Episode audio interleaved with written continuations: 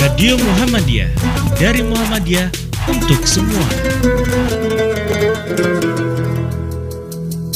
Nabi Muhammad Shallallahu Alaihi Wasallam bersabda, "Ada tiga hal, barang siapa yang di dalam dirinya terdapat semuanya, akan merasakan manisnya iman. Allah dan Rasul-Nya paling dicintainya, melebihi semua hal selain keduanya." menyukai seseorang semata-mata karena Allah, membenci kembali pada kekafiran sebagaimana bencinya untuk dilemparkan ke dalam neraka.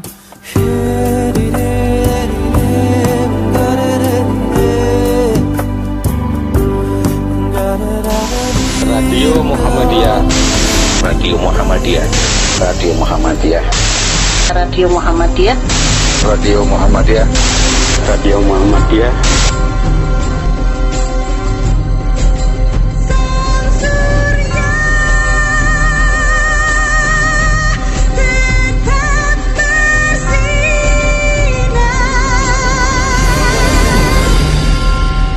Radio Muhammadiyah. Dari Muhammadiyah untuk semua. Assalamualaikum warahmatullahi wabarakatuh.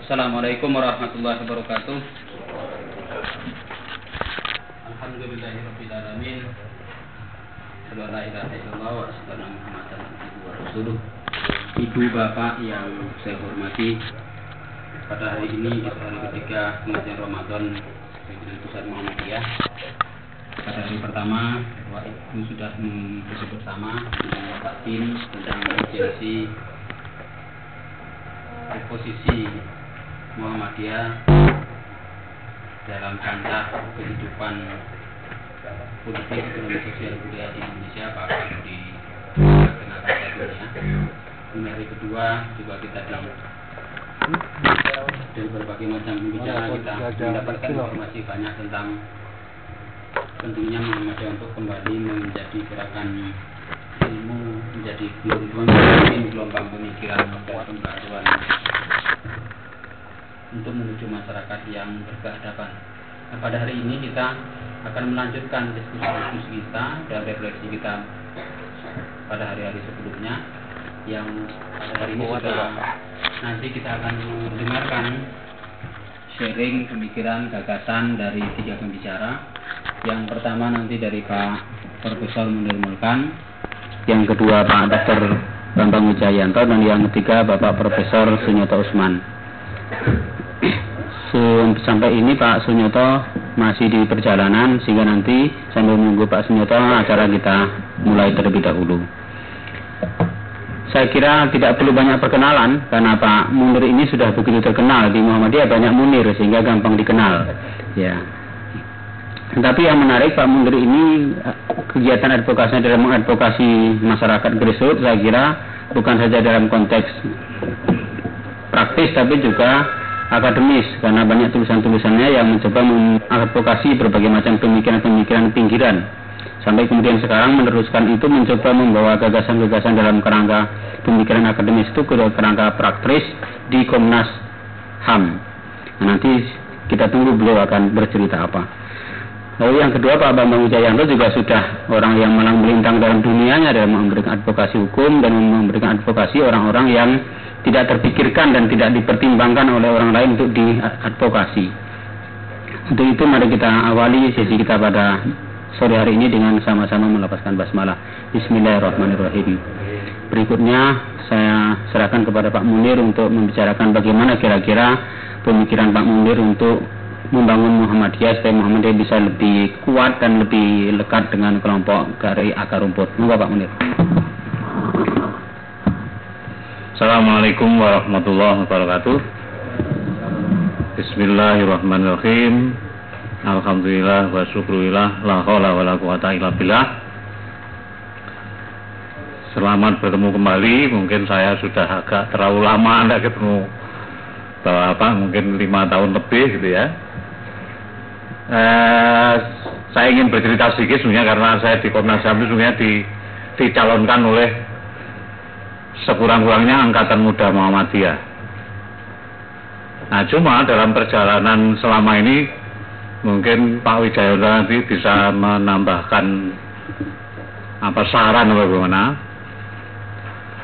Uh, menurut saya tidak ada respon dari Muhammadiyah.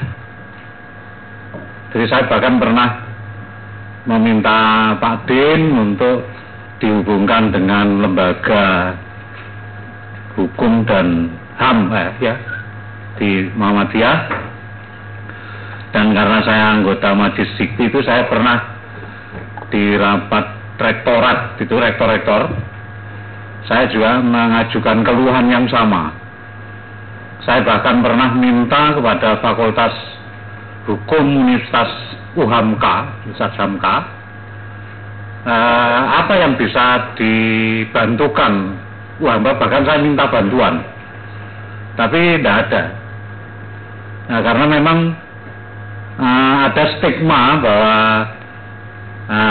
aksi-aksi uh, HAM ini kan produk Barat. Di Barat itu kan kafir. Jadi uh, masih ada stigma semacam itu. Jadi, uh, walaupun sebenarnya saya tidak terlalu aktif di Komnas HAM karena tidak ada dukungan fasilitas yang memungkinkan saya D to D di Jakarta, itu karena kalau D itu D di Jakarta, mungkin bangkrut saya. Itu sekedar informasi. Yang kedua, uh, saya ingin membaca, mungkin sambil nunggu juga Pak Nyoto. Walaupun nanti ada tayangan ini, tapi tidak tahu saya operatornya ini. Yang pertama, sesungguhnya saya ya tema ini menarik cuma saya jadi ragu-ragu gitu ya. Kalau melihat uh, potret Muhammadiyah selama ini. Karena akar rumput akar rumput itu kan identik dengan uh, orang yang akrab dengan tradisi TBC walaupun sebenarnya tema ini sangat strategis cuma oleh karena itu di awal itu saya saya bertanya, jadi apa bisa Muhammadiyah eh, bergerak di akar rumput? Karena secara teologis, sebenarnya ada ada pertentangan-pertentangan. Cuma ini kan garapan kita. Nah, nanti di belakang saya akan menyajikan kalau bapak berkenan itu eh, hasil penelitian saya yang mungkin bisa dijadikan bahan pikiran gitu untuk membawa akar rumput itu ke eh, kondisi ideal yang dijajakan Muhammadiyah.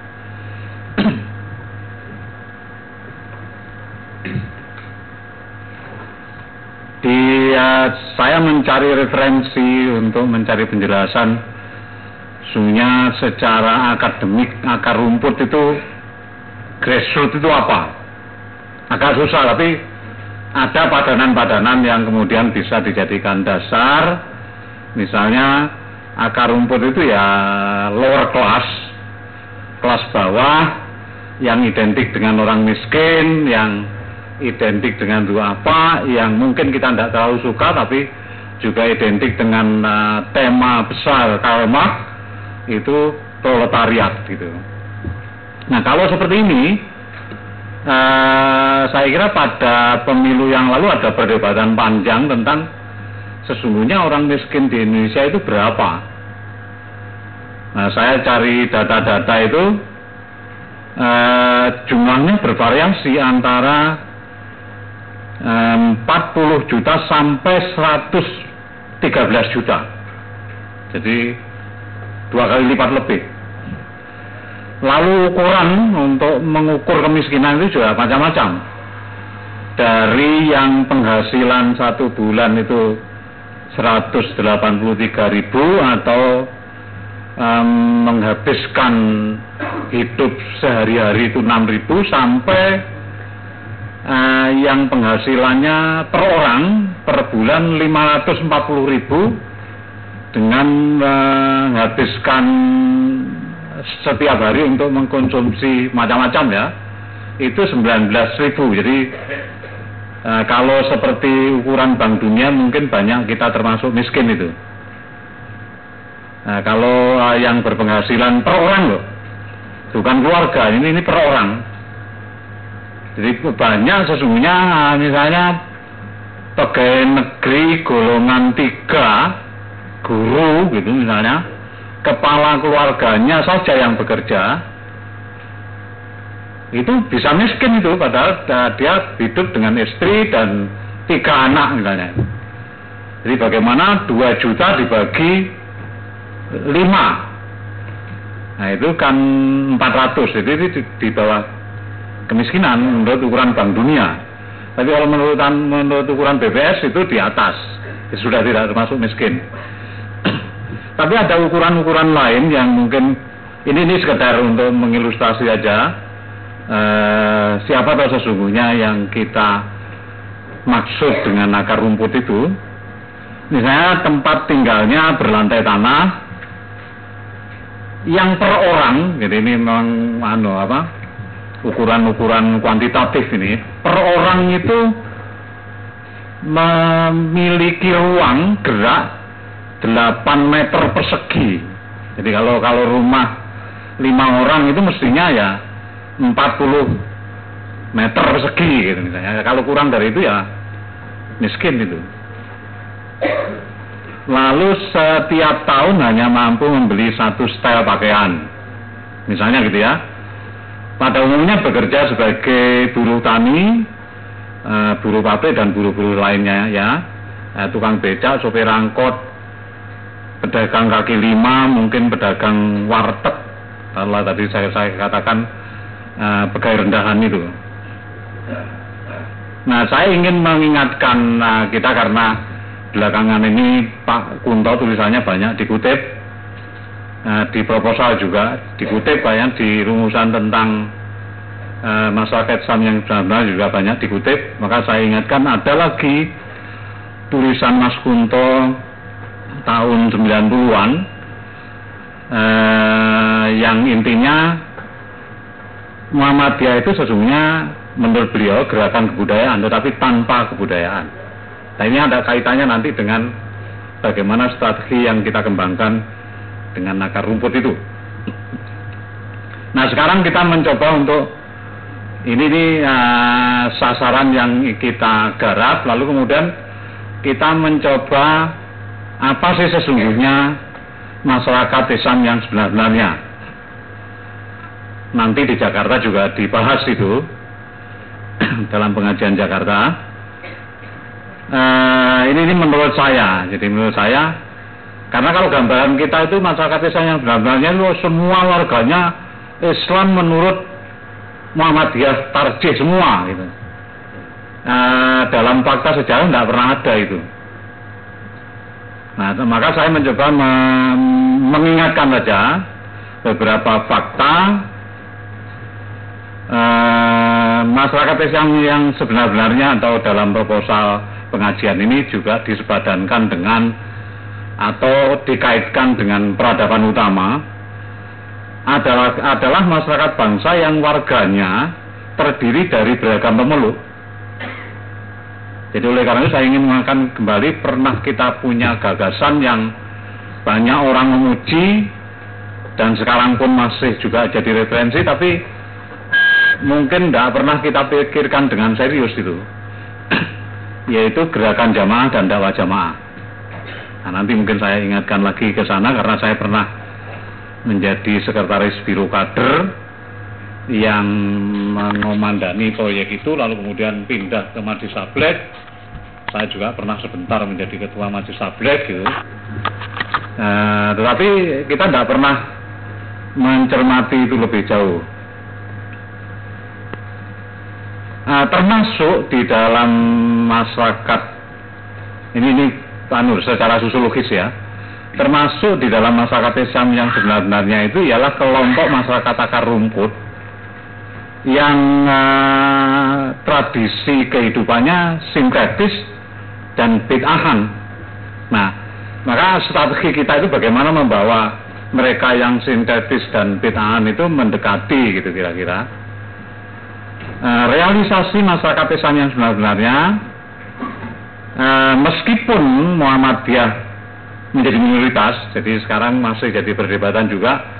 Sebenarnya warga Muhammadiyah itu berapa? Eh, ketika saya menjadi sekretaris PP itu eh, saya lihat daftar eh, anggota itu tahun 2005 itu belum ada satu setengah juta anggota terdaftar loh. Misalnya yang anggota terdaftar itu adalah kepala keluarga gitu. Lalu istrinya satu, anaknya tiga, lima, jadi ya ya tujuh setengah juta. Atau kalau sekarang dua juta ya sepuluh juta. Tapi kalau kita melihat eh, jumlah mereka yang sholat di lapangan ya mungkin mungkin seperti ya, biasa Pak Amin mengklaim itu NU piro? NU 40 juta Muhammadiyah 45 juta gitu. Jadi itu uh, mungkin tidak pernah bisa dibuktikan berapa uh, kalau kalau uh, yang disebut anggota Muhammadiyah adalah yang berkartu anggota saya tidak tahu mungkin sampai sekarang belum sampai 2 juta tetapi uh, realisasi masyarakat Islam yang sebenarnya itu bukan bukan harus Muhammadiyah menjadi mayoritas. Hanya saja syaratnya uh, Muhammadiyah yang minoritas itu bisa berfungsi sebagai khairu ummah. Itu kira-kira.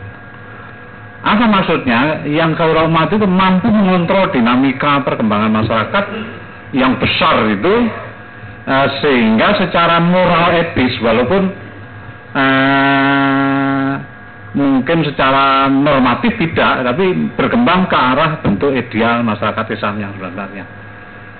Misalnya sekarang ini ya, eh, saya sering mengatakan orang Islam Indonesia itu sudah Muhammadiyah semua.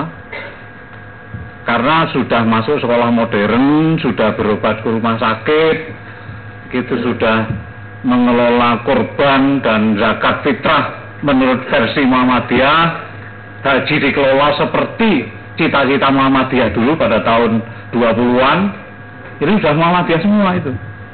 Hanya saja mungkin eh, tradisinya masih NU-an atau apa gitu kan. jadi menurut saya seperti itu.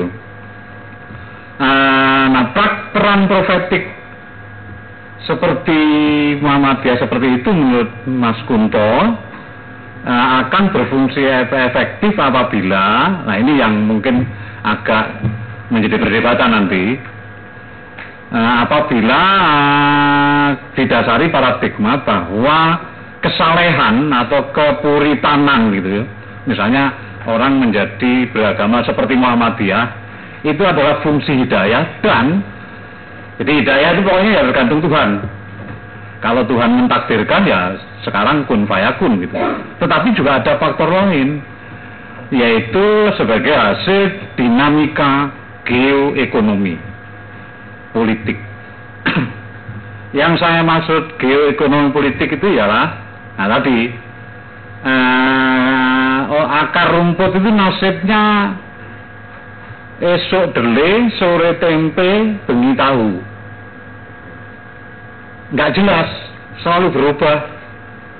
E, petani yang nanam padi atau nanam kedelai, lalu kemudian hujan deras, banjir, besok bangkrut. Nah, berbeda dengan petani kaya, tidak apa-apa karena lumbungnya masih penuh. Atau orang kaya berdagang, simpanan banknya masih ada. Jadi kalau sekarang tidak laku, besok masih bisa makan. Nah kira-kira seperti itu. Sehingga uh, kesalehan itu ditentukan oleh dinamika. Jadi kalau oleh karena itu dalam berbagai teori dinyatakan bahwa kaum pedagang, priayi, kelas menengah itu atau orang kota itu lebih dekat ke tradisi Islam Muhammadiyah. Misalnya penelitian Rias Hasan ya, itu ketika orang desa yang tadinya itu pergi ke kota migrasi karena mobilitas pendidikan pendidikannya naik jadi dokter maka di desa nggak ada pekerjaan nanti pindah ke kota. Itu menjadi semakin puritan. Ya dia tahlilan tapi tahlilannya tidak malam Jumat. Mengapa? karena besok Jumat ke kantor. Jadi tahlilannya diganti minggu. Nah misalnya gitu loh jadi eh, mungkin saya lewati aja biar agak mungkin mas nah berbeda dengan dengan mereka yang akar rumput karena nasibnya selalu tidak stabil itu maka gambaran tentang Tuhan itu tidak seperti ilmu kalam gambaran Tuhan tentang ilmu kalam itu terlalu jauh Tuhan. Susah dihubungi. Nah lalu kemudian diciptakan ritual-ritual yang kita sebut sinkretik atau beda dengan satu asumsi bernegosiasi dengan Tuhan. Supaya nasibnya dirubah. Nah karena ini pendidikannya rendah orang bisa, mau Quran dungu sendiri nah iso nah pakai broker pakai wasilah itu nah sayangnya orang mau ada itu kan doanya pelit pendek-pendek nah itu tidak cocok bagi akar rumput Nah, rapat-rapat pertemuan di Muhammadiyah itu kan sangat formal. Jadi sebelum dimulai ya tidak ada bang bantung selawatan, tidak ada itu. Jadi begitu sampai waktunya, Bismillah, lalu berapa selesai. Itu betul ya, tetapi mungkin tidak ah, bisa membawa masyarakat akar rumput itu menjadi bagian gitu. Jadi oleh karena di belakang nanti saya usulkan beberapa yang di, tidak melanggar uh, tarjih tetapi mungkin bisa ada contoh-contoh di lapangan yang juga dipraktikkan oleh orang Muhammadiyah dan hasilnya cukup baik gitu ya. Nah, berdasar fakta-fakta di atas maka strategi eh, gerakan di akar rumput itu adalah jawaban atas pertanyaan bagaimana mengubah perilaku dan kesalahan akar rumput itu mendekati model Muhammadiyah. Kira-kira seperti itu ya. Mungkin sebagian orang bisa berubah ketika dibid'ah-bid'atkan, dineraka-nerakakan, mungkin bisa. Tapi sebagian besar orang nggak bisa. Yusben, nah gitu, ngeyel gitu. Nah kalau seperti ini apa kemudian kita tidak menaruh perhatian. Nah ini yang ya, jadi pertanyaan. Jadi saya tidak menyalahkan uh, satu langkah yang keras menghantam uh, tradisi sinkretis itu, tetapi mungkin untuk menghadapi kelompok masyarakat yang lain itu perlu strategi yang lain. Yang pertama saya kira uh, ya tadi karena teori atau hubungan dinamik dengan uh, geoekonomi politik itu ya buat semua ruang hidup ini jadi kota semua berlistrik semua gitu ya kira-kira yang kedua gerakan masyarakat mengalami mobilitas sehingga naik kelasnya. Jadi penghasilannya tiap miskin.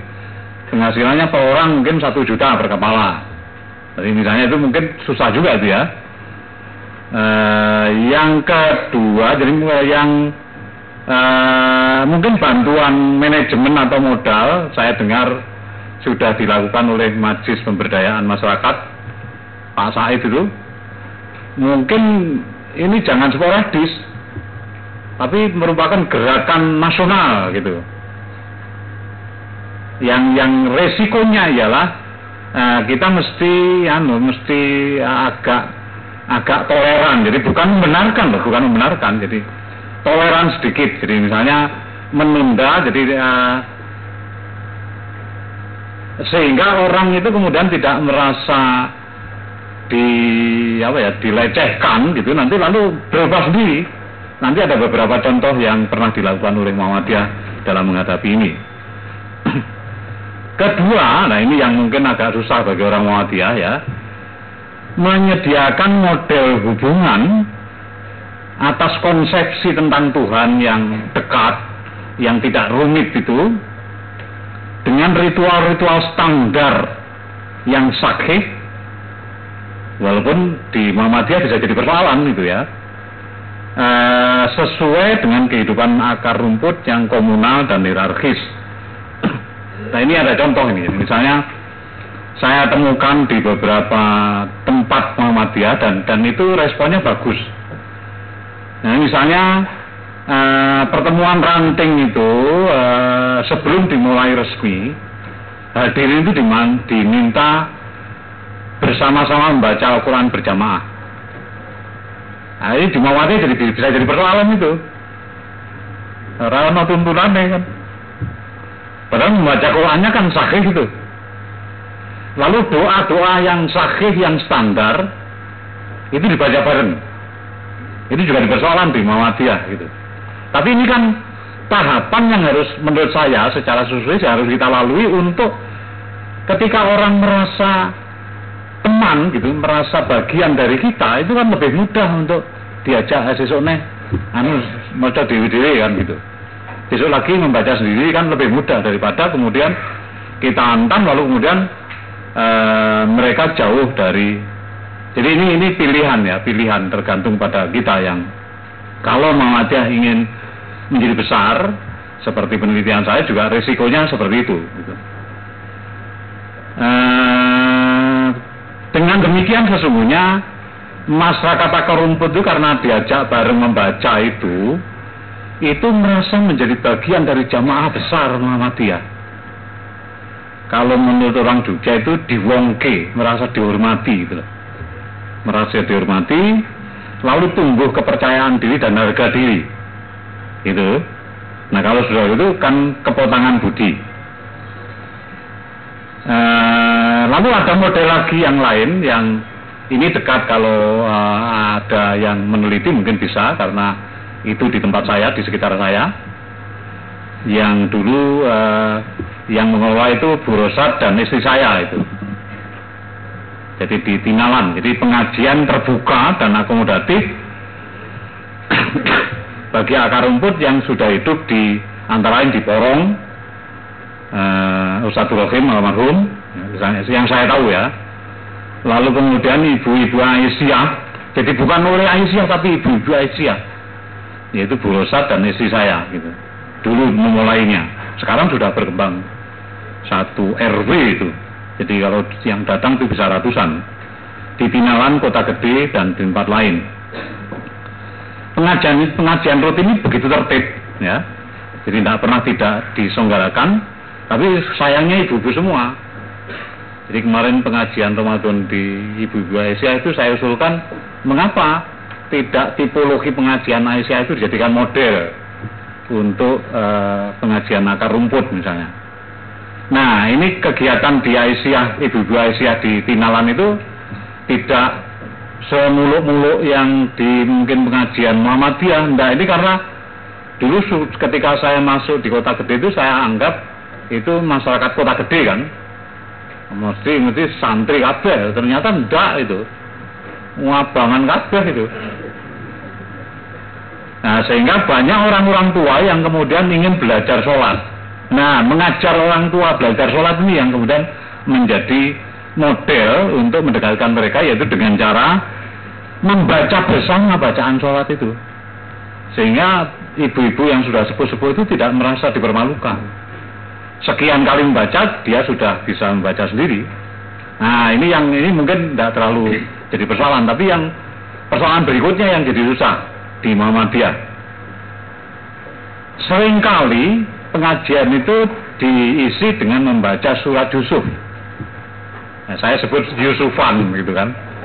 Mengapa begitu? Karena tuan rumah mau mantu. Itu berjalan eh, sejak saya tinggal di sana 86 sampai sekarang 2009 ya, jadi sudah 23 tahun. Tapi hasilnya mungkin perlu diteliti. Hasilnya sekarang berdiri ranting Muhammadiyah dan Aisyah. Nah itu hasilnya. Yusufan itu. Nah, mungkin kita bisa uh, belajar dari ya, sejarah Muhammadiyah misalnya uh, bagaimana Kiai Dahlan membuka rumah sakit walaupun dipimpin oleh dokter pribumi tetapi dokter-dokternya sebagian besar adalah kafir karena Belanda kan. Tapi dokter-dokter ini ikhlas itu tidak dibayar Walaupun mungkin kita bisa berargumen ya itu kan cara Belanda untuk Lalu yang kedua rumah sakit di Surabaya tahun 24 itu sama persis. Bahkan ketika saya baca verslahnya itu nyonya-nyonya Belanda itu cucul cincinnya itu untuk nyumbang rumah sakit itu. Oh ini sebagai kayak Ngaisyah zaman dulu ini kan. E, lalu kemudian nah karena waktunya terbatas nah, ada lagi misalnya e, ketika saya diminta Aisyah untuk bagaimana sesungguhnya dulu Aisyah itu Nah, saya saya temukan fakta, misalnya dulu orang Muadah itu kan nopen dengan orang-orang tertindas itu dengan akar rumput itu. Nah, misalnya dengan tahun 22 itu kan banyak orang-orang dari sekitar uh, misalnya Kebumen, Purwokerto, Magelang itu masuk ke Jogja untuk mencari kerjaan. Lah itu kober-kobernya Muhammadiyah dan Aisyah itu ngopeni mereka, buru-buru itu sore, sore hari dikumpulkan, diberi pengajian agama Islam, lalu diberi pengetahuan bagaimana bekerja dengan baik. E, menurut catatan saya, dari situ kemudian muncul Walasri. Lalu kuliatul mubalikin. Nah, kuliatul mubalikin itu kemudian jadi sekolah tinggi ilmu dakwah dan sekolah ilmu dakwah itu bibit kawitnya ini Universitas Muhammadiyah Jakarta ini. Eh, kalau seperti itu maka kemudian muncul eh, tipe-tipe orang Muhammadiyah. Jadi ini hasil penelitian ya. Terus terakhir yang keenam.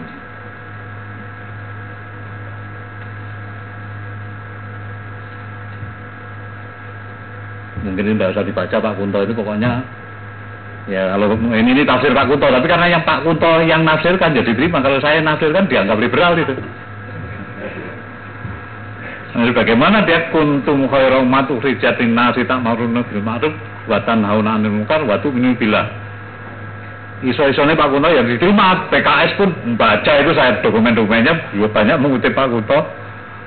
Itu misalnya lalu objektifikasi, uh, liberasi, humanisasi, misalnya itu uh, mungkin uh, ya pokoknya intinya sama lah bagaimana kemudian Islam yang sumul itu kemudian bisa di tontonkan, dibumikan gitu menjadi fungsi-fungsi profetik sehingga bisa dinikmati oleh masyarakat ya semua masyarakat gitu sesuai dengan kelasnya masing-masing. Yang terakhir kalau kemudian kita bergerak seperti itu maka akan terjadi e, mungkin bisa dibaca di mana-mana empat tipe orang Muhammadiyah. Yang pertama al-ikhlas.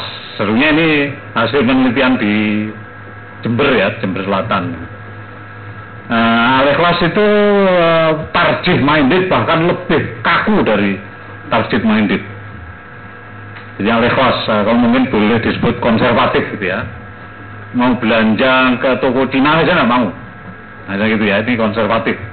Pokoknya tekstual nanti mungkin besok akan disampaikan uh, oleh Pak Indro Briono saya baca makalah yang akan disampaikan itu misalnya uh, Wahabisme. Gitu. mungkin mungkin banyak akan pertanyaan di sini. Yang kedua model kiai Dahlan kalau di Jogja itu kira-kira bisa dituliskan ngono ya ngono ning aja ngono. Ya oke lah tarjih tapi untuk mencapai ke sana ya perlu tahapan-tahapan kira-kira ya. Jadi ini penuh toleransi, mungkin sekarang moderat gitu ya. Yang ketiga Muhammadiyah NU atau MUMU. Ini sebenarnya di ya, hasil itu hasil penelitian Nah, orang-orang NU itu tidak mungkin bisa melakukan mobilitas sosial berpendidikan lebih tinggi kecuali masuk di sekolah Muhammadiyah. Karena kalau negeri jauh dan mahal, nah, sekolah di sini sekolah Muhammadiyah. Nah setelah selesai dia tertarik pada Muhammadiyah jadi Muhammadiyah. Bahkan menurut waktu penelitian itu dia jadi ketua tablik. Tapi ketika saya berkunjung di rumahnya, dia nggak ada sedang tahlilan. Lalu ketemu saya tanya, lu sampai ini nak karena orang Madura ya. Sampai ini ketua tablik masa tahlilan gimana? Ya ini kan biru walidin pak. Jadi karena uh, dia hidup di tengah-tengah komunitas NU lalu kemudian lead dakwah katanya untuk dakwah. Jadi uh, lalu saya melukiskan ini pikirannya Muhammadiyah tapi tradisinya NU ya lebih gawat lagi yang marmut. Marmut ini marhainis Muhammadiyah. Jadi di daerah penelitian itu dulu kan ada stigma tahun 60-an PKI itu ya 666 pokoknya PKI siapa PKI mesti ditangkap atau digusur atau diusir dari kampung. Lalu kemudian salah satu di antara untuk menyelamatkan diri sekolah di sekolah Muhammadiyah. Selamat dia. Setelah enam tahun sekolah di sekolah Muhammadiyah ternyata dia tertarik pada Muhammadiyah. Sehingga kemudian menjadi anggota Muhammadiyah dan salah satu namanya itu teman saya dulu waktu kecil. Nah ketika saya berkunjung ke rumahnya itu nah ini ini fakta di lapangan jadi bukan nah, nanti bagaimana bapak-bapak menanggapi. Itu anu tidak ada dia baru adu jago. Ini cara berpikirnya Muhammadiyah organisasinya Muhammadiyah tapi tradisinya masih abangan. Partainya bukan PAN. Bukan PKS itu dulu PNI sekarang PDIP nah strategi akar rumput itu ialah bagaimana membawa yang abangan itu menjadi marmut lalu dirubah menjadi munu lalu dirubah sekurang-kurangnya menjadi ya dahlan gitu loh idealnya terima kasih assalamualaikum warahmatullahi wabarakatuh terima kasih Pak Munir Kemudian Bapak yang saya hormati, selanjutnya kita akan mendengarkan paparan dari Pak Bambang Wijayanto. Namun sebelumnya, beberapa hal yang ingin saya sampaikan terlebih dahulu. Yang pertama, mohon nanti handphone yang masih ada nada suaranya mohon diganti dengan nada getar saja atau bila perlu di off kan saja biar tidak mengganggu konsentrasi kita dalam mendengarkan paparan. Lalu yang kedua, hmm, nanti Pak Sunyoto Usman sedang di jalan. Nanti sekiranya Pak Bambang Wijayanto sudah selesai, kalau Pak Nyoto juga belum datang, kita lanjutkan dengan tanya jawab sambil menunggu Pak Nyoto. Saya kira begitu. Selanjutnya Pak Bambang, monggo.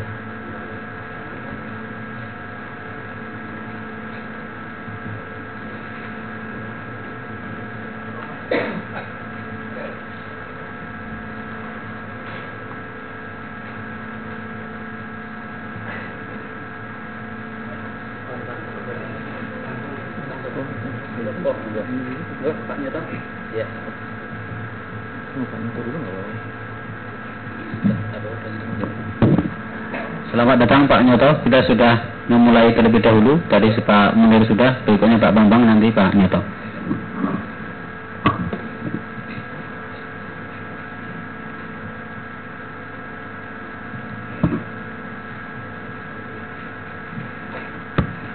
Terima kasih Pak Moderator. Ibu-ibu yang saya hormati, Bapak-bapak yang saya muliakan. Assalamualaikum warahmatullahi wabarakatuh. Uh, ketika menerima undangan nih saya agak keder sebenarnya mau datang ke sini. Tapi karena Bilang pokoknya harus datang ini kesempatan ketemu dengan senior-senior dengan teman-teman yang uh, di seluruh Indonesia jadi saya memberanikan diri datang. Jadi saya masih takut-takut ini sebenarnya. Terus yang kedua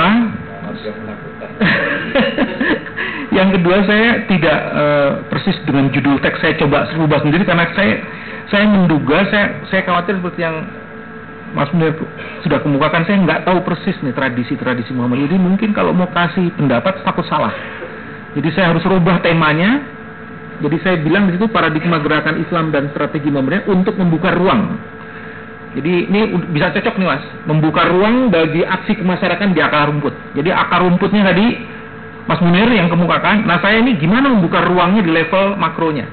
Jadi biar bisa apa namanya bisa bisa apa namanya komplement satu dan lainnya bisa apa ter, terlengkapi itu kira-kira eh, yang akan saya kemukakan itu. Terus ada tiga poin sebenarnya yang eh, secara umum saya hendak kemukakan. Bagian pertama itu ada perubahan yang dahsyat. Ini yang saya akan jelaskan sedikit.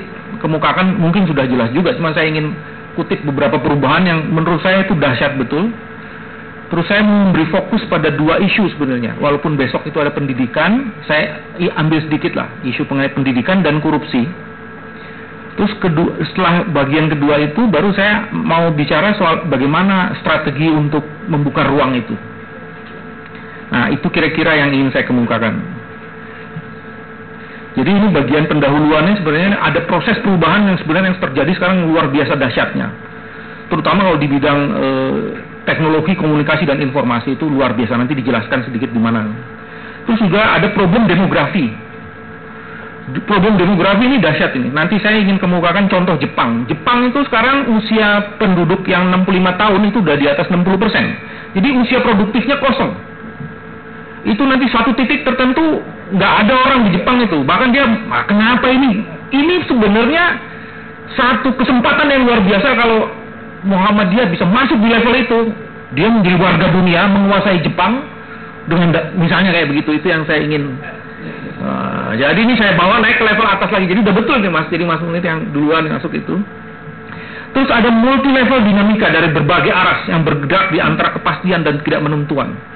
Yang namanya kapitalisme sekarang ini rubuh di tempatnya sendiri di Amerika sendiri. Tapi yang namanya ekonomi syariah kenapa nggak berkembang gitu? di tengah rubuhnya ekonomi dunia, kenapa ekonomi syariah nggak berkembang? Ini problem ini. Jadi ada kepastian, ketidakmenentuan dengan tekanan kecepatan dan dampak yang variatif. Terjadi cukup banyak fakta yang fenomenal dan tren yang belum pasti tujuannya atas proses perubahan yang luar biasa. Jadi hakikat dari apa namanya hakikat dari dunia ini sebenarnya terjadi perubahan. Kalau orang nggak berubah, bisa terjadi kekacauan. Tapi juga di situ ada kepastian kan kepastian bahwa harus taklid kepada ilahi macam-macam. Jadi ini ini yang mesti dikelola betul ya. Ada perubahan dan ada kepastian yang harus di ini. Nah, itu bagian pendahuluannya saya ingin. Nah ini juga ini ini saya mulai masuk nih. Ada kemewahan dan sensasi yang memanjakan kehidupan dan gaya hidup yang terus menerus ditingkatkan bagi kalangan yang tidak tidak berpunya sekalipun. Sebagai ilustrasi gini, sekarang semua orang punya HP. Sampai di desa pun punya HP. Untuk biaya makan pun beli pulsa. Jadi nggak makan jadi ini terjadi perombakan luar biasa sekali budaya yang tidak kita tidak tidak sadari itu. Jadi orang membela-belain berkomunikasi dengan keluarganya, dengan anak, dengan macam-macam, beli pulsa, pulsanya itu yang sebenarnya untuk makan keluarga. Jadi yang kaya siapa sebenarnya? Ini jual jualan pulsa itu. Kalau tarik lagi ke atas siapa yang itu lebih berabai lagi nih, lebih repot lagi. Air akan jadi problem utama di dunia kalau dilihat kutub utara dan selatan sekarang sudah mulai mencair, Pak. Dan sekarang titik air laut itu naik, Pak. Jadi yang tinggal di pesisir-pesisir hati-hati, 10 tahun lagi itu dia bisa kalau satu tahun naik satu senti, 10 senti naik. Nah itu, itu gimana? Itu sebabnya kan hadis mengatakan bikin rumah jangan di, jangan di lembah. Ya, itu di sini baru ketahuan ini. Ini saya bilang di sini tadi sudah saya kemukakan 27 war, 20 juta warga Jepang hilang karena 20 25 juta penduduk Jepang sekarang berusia di atas 65 tahun. Dan yang 18 yang apa yang 15 tahun itu hanya 18 juta. Padahal untuk menggerakkan ekonomi Jepang itu diperlukan sekitar 40 juta itu. Jadi ada kekosongan ini. Bom waktu demografis di Singapura. Di Singapura itu Pak, bayi yang lahir setiap tahun cuma 14 ribu. Padahal dia memerlukan 40 ribu bayi untuk menjaga produktivitas itu orang Singapura sekarang itu tidak ada yang mau jadi suster, jadi bidan, jadi mantri, maunya itu jadi eksekutif. Jadi pekerjaan di level itu kosong. Amerika, Eropa kosong, Singapura kosong, Jepang kosong, Taiwan, Taiwan masih enggak. Ini luar biasa. pekerja-pekerjaan di level itu di Inggris itu yang jadi tukang-tukang cat itu semuanya orang India, orang Bangladesh, orang Pakistan. Yang buka grocery malam itu orang India. Coba orang Madura dikirim ke sana, wah hidup itu. Nah misalnya, misalnya kayak gitu itu orang ini kita lagi, nah ini juga yang menarik ini. Itu ada diperlukan dalam 5 sampai 10 tahun ke depan tuh 250 juta perempuan untuk dijadikan istri di India dan di Cina. Ini serius. Ini buku yang saya baca dari apa Asia Future Shock ini. 250 juta. Kalau kalau saja kita mengikhlaskan dan mendidik perempuan-perempuan, mohon maaf ibu ya, dari Aisyah menjadi orang-orang perempuan hebat yang kemudian melanglang buana dan menjadi istrinya orang India dan orang Cina, itu kita bisa rebut India dan Cina tanpa harus meng, meng, menguasai itu. Ini dahsyat ini. Nah itu yang saya mau bagi-bagi ilmu. Jadi ada 250 juta diperlukan perempuan untuk kenapa? Di India itu mahal perempuan itu. Harus bayar mas kawin macam mahal. Di Singapura itu sekarang misalnya orang untuk untuk berkeluarga dia mikir karena biaya hidup tinggi. Sudah berkeluarga, punya anak mikir karena punya anak itu berat. Biayanya mahal. Siapa yang mesti ngurus anak? Harus apa namanya babysitter, babysitter itu mahal. Jadi ada situasi yang seperti itu. Bahkan sekarang sebenarnya lembaga perkawinan itu di ujung kehancuran. Tidak di, tidak hanya di dunia, di Indonesia juga. Kenapa? Sekarang saya kerja 12 jam di luar rumah. Pak Munir, kerja di 12 jam di luar. Saya curhatnya itu, atau sebagian besar orang curhat, tidak kepada istrinya, kepada temannya. Kalau di situ kebetulan teman perempuan itu curhat sama teman perempuan, sekarang yang jadi istri itu siapa sebenarnya? Orang di rumah atau teman kerja? Nah, itu mulai setelah itu selingkuh, Pak. Nah, ya gimana? dia sudah lebih dekat. Itu yang disebut dengan apa namanya uh, suppose gitu ya. Jadi suami suppose, husband suppose, wife suppose. Dia artinya dia lebih dekat. Dia lebih dekat dengan temannya ketimbang dengan keluarganya. Itu terjadi kayak begitu. Ini situasi-situasi yang luar biasa.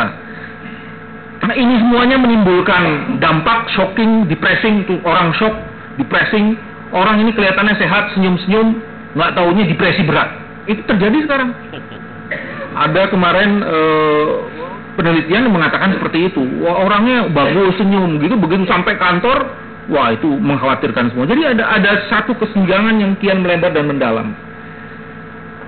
Nah, saya mau masuk lebih dalam lagi di soal realitas dan masalah itu. Ini juga realitas kita. Ini saya tarik dari Indonesia, kemudian saya lari lagi nanti keluar dunia. Ini kita lihatlah. Kita tadi ngomong soal uh, sebagiannya isu pendidikan. Ini potret pendidikan kayak kita kayak gini pak jadi ini yang namanya LRA itu adalah e, e, laporan realisasi anggaran. Jadi bayangkan kalau di Diknas saja itu dinilai lemah. Dalam penggunaan PNBP itu penerimaan e, negara bukan pajak.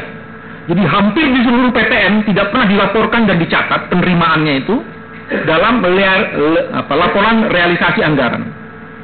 Yang kedua, aset tetap hasil pengadaan dan dana blok rent pusat dan dana rekonstruksi minimal 27 triliun itu tidak dicatat dan dilaporkan dalam neraca Depdiknas sehingga berpotensi disalahgunakan. Sebenarnya ada catatan lain, tapi ini takut menyinggung berbagai universitas.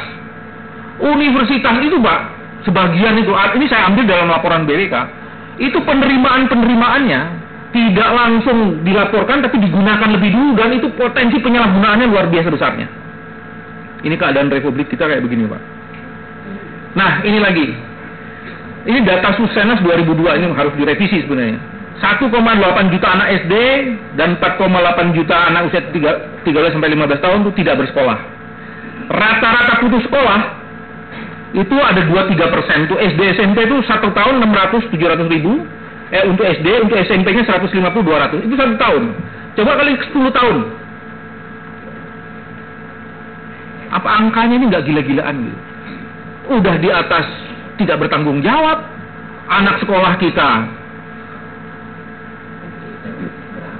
Bu yang gratis dapat bagus. Nanti saya kasih tunjuk Bu ya angka-angka eh, apa namanya? Saya punya angka-angka yang menarik dari dari seluruh provinsi saya Indonesia. Berapa biaya pendidikan? Ada yang biaya pendidikannya cuma 32 ribu per kepala. Itu Wah, zalim betul itu. Saya mesti ngomong apa lagi tuh. Itu provinsi zalim itu.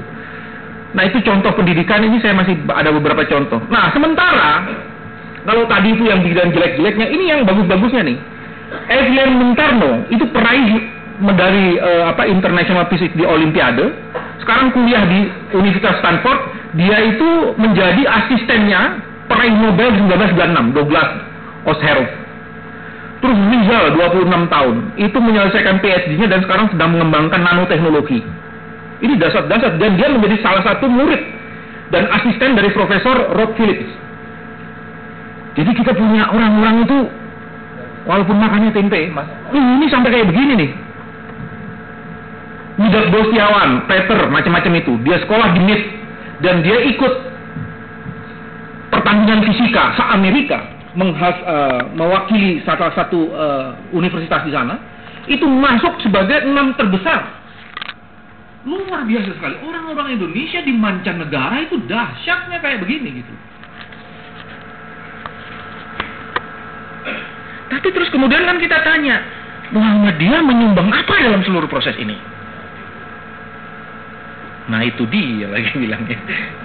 Ini yang mesti kita tanya gitu. Di tengah yang tadi Mas Munir kemukakan, kita bisa kontribusi apa? Kalau betul mau menguasai sana, jangan cuma kirim perempuannya aja Pak yang tadi. Ini kita harus kirim yang medal-medalnya ini juga. Kalau kirim perempuannya tadi pasarnya udah ada nih. Tapi kalau mau mengirim orang-orang yang seperti ini, itu bagaimana caranya? Masa sih nggak ada dari tadi kalau di kartu anggota sekitar 2 juta, kita nggak bisa dapat 100 orang yang IQ-nya di atas 150 untuk anak-anaknya itu. Kalau lebih Pak, sekarang itu ada akses untuk masuk di International University. Gimana caranya menemukan itu supaya kita bisa kirim itu ke sana? Profesor Yohanes Surya itu membentuk satu yayasan dan mencari orang-orang yang IQ-nya tinggi dan dijamin dapat S3 gratis untuk sekolah teknologi. Nah ini semua kesempatan yang harusnya diambil. Ada kesempatan yang di dunia ini. Nah sekarang saya ngomong tadi pendidikan.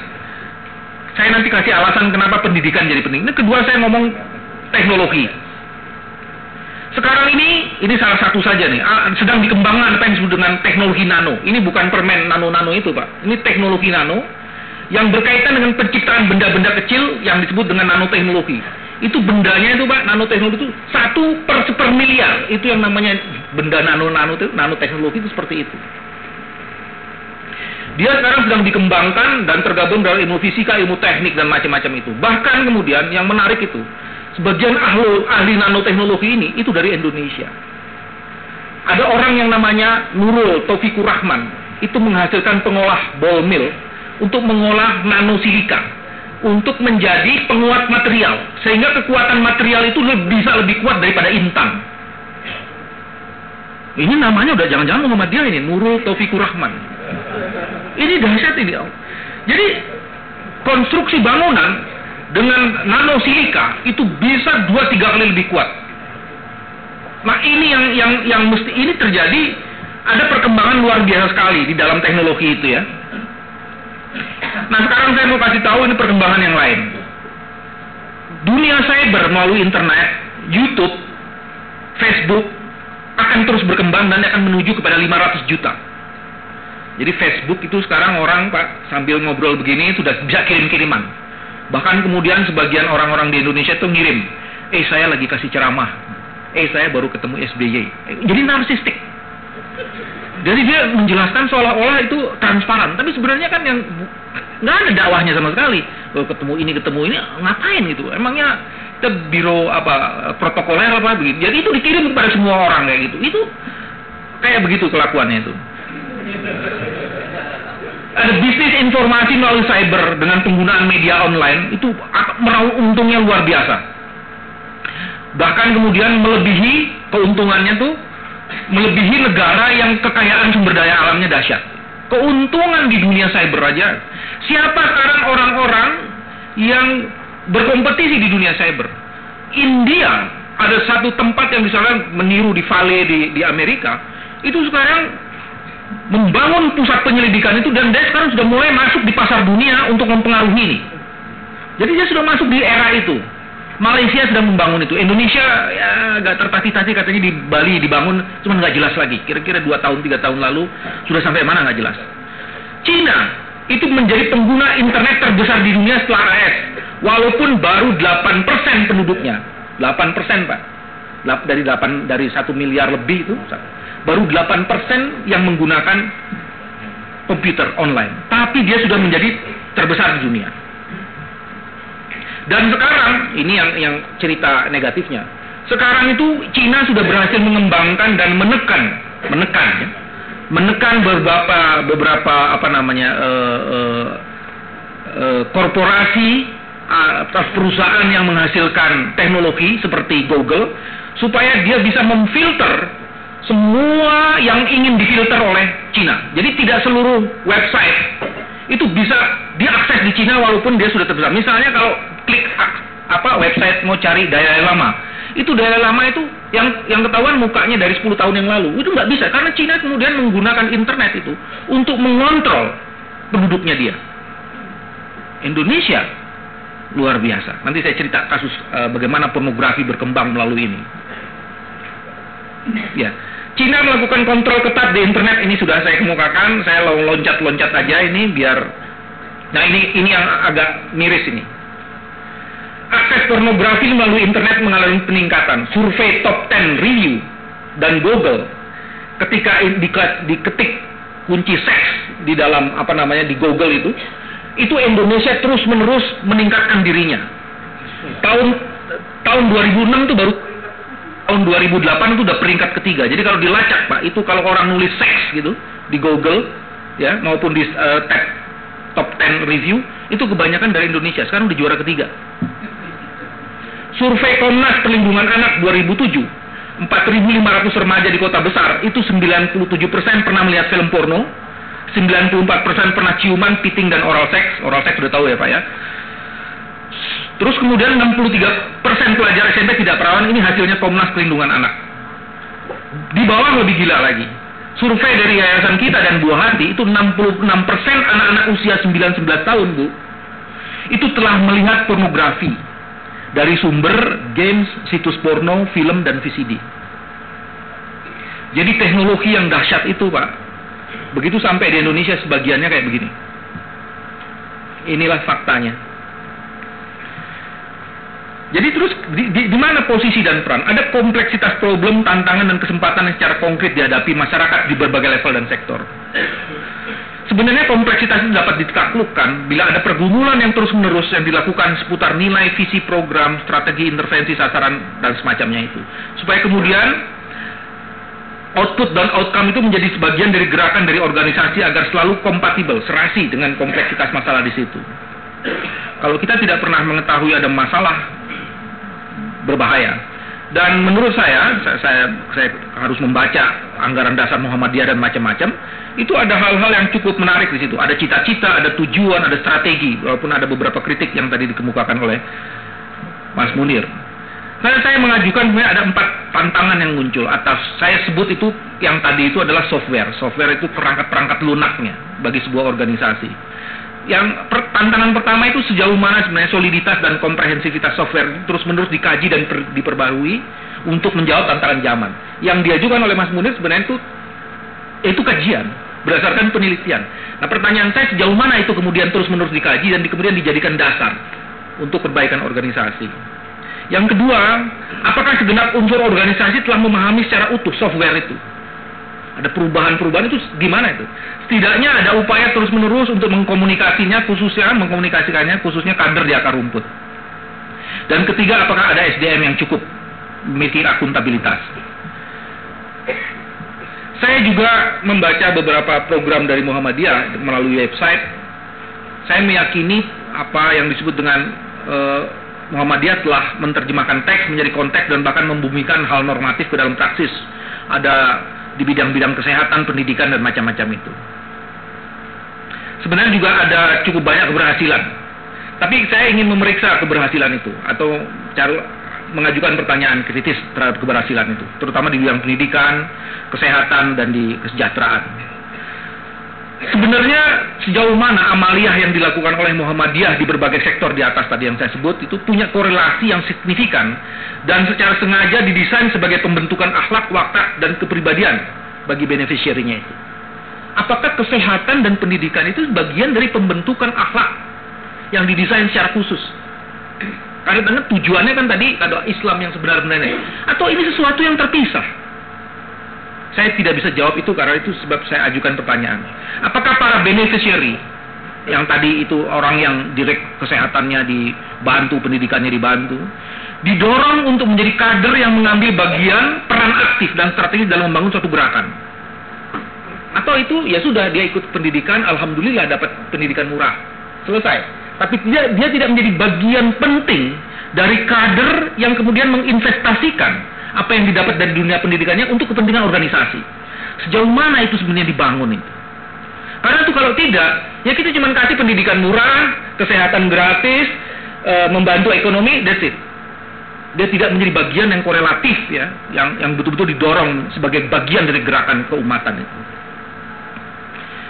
Nah ini e, kenapa tadi saya bilang pendidikan? Karena asumsinya pendidikan adalah pintu pembuka dan prasyarat dasar pembentukan peradaban sebenarnya ibu-ibu dan bapak-bapak, alhamdulillah sekarang sudah ada anggaran 20%. Tapi saya ingin uh, saya ingin kasih kasih lihat satu slide uh, satu slide yang lain.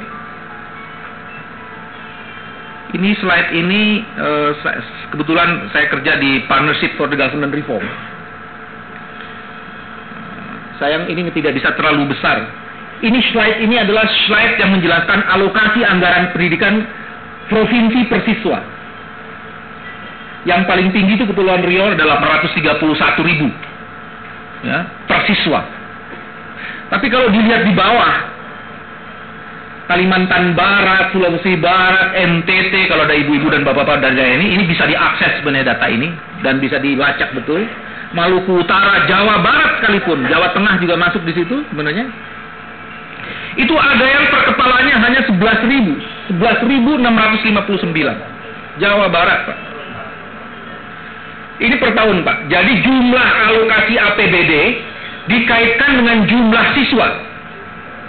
Jadi jumlah siswanya berapa jumlah alokasi APBD-nya berapa. Ini di dunia kesehatan juga ada Pak. Dan ini nilainya Pak. Bagaimana mungkin kita akan membangun bangsa yang hebat kalau alokasi APBD satu provinsi per kepala anak-anak didiknya itu hanya 11 ribu. Jadi ini dihitungnya sangat sederhana. Berapa alokasi dana kesehatan, berapa alokasi dana pendidikan dibagi kalau dana pendidikan dengan jumlah siswanya. Angkanya ini. Jawa Timur cuma 21 ribu. Jogja, Jogja lah, Jogja ada, ada di tengah-tengah dia. 83 ribu. Nah, Nah ini ini mengerikan ini sebenarnya data. Nah saya mau kasih tunjuk data yang lain lagi. Ini bisa diakses. Ini ini bisa dilihat ini. Prioritas-prioritas nih. Kalau dibuka APBD dan dibedah itu eh, prioritasnya ada di mana sebenarnya? Kalau dilihat di situ, misalnya kelihatan Nangro Aceh itu prioritas pertama 900 eh, 900 miliar itu untuk eh, sekda, untuk kantor. Kedua untuk PU, ketiga baru pendidikan. Pendidikan itu jomblangnya lihat dari yang tadi sekda, anggaran sekda itu empat kali lipat anggaran pendidikan. Coba bayangin. Itu Aceh itu. Itu kalau dilihat semuanya itu bisa kelihatan semua, Pak. Jadi data ini nanti saya kasih aja supaya Bapak bisa akses semua. Misalnya Jogja. Jogja itu pendidikan itu masuk nomor dua ya dengan 101 miliar PU-nya jadi tetap jalan Jogja itu jalannya luas ya Pak ya. Ada 146 miliar nih jalan. Jadi sebenarnya bisa dilacak juga. Kalau dari sini dalam strategi penanganan korupsi, ini memang bisa dilacak ini. Kalau di satu provinsi ada tiga besar anggarannya ada di situ, potensi korupsinya sebenarnya ada di situ. Jadi itu nanti pendidikan dikaitkan dengan korupsi. Jadi inilah wajah dari uh, apa namanya uh, pendidikan kita dalam konteks anggaran ini saya dikejar-kejar eh, ini jadi kita mesti maju pak ya. Asumsinya ini pendidikan adalah pintu pembuka peradaban sebenarnya. Kalau kita bayar uang pendidikannya atau sekolah bayar uang pendidikannya itu bermasalah bagaimana kita mau membangun pendidikannya? Tadi saya sudah bilang ada potensi penyalahgunaan kewenangan atau dislokasi anggaran pada sektor pendidikan. Adanya fakta dan tendensi ini sudah. Nah sekarang lembaga pendidikan Muhammadiyah itu dituntut untuk menjadi center of excellence. Center of excellence yang saya maksud adalah yang mengintegrasikan kompetensi dan pembentukan akhlak dengan metode pembelajaran yang terus dikembangkan. Sekarang ini berkembang metode-metode pembelajaran yang dahsyat luar sekarang, atau yang disebut dengan quantum teaching. Ada multiple intelligence, saya menduga sebagiannya sudah dipakai, tapi itu harus terus-menerus diasah. Apa, pendidikan tanpa kekerasan, misalnya kayak itu muncul semua. Pendidikan berbasis intelijen, pemasok calon pelajar pemenang medali Olimpiade ini punya akses dan membangun jaringan universitas top di dunia dalam bidang sains dan humaniora.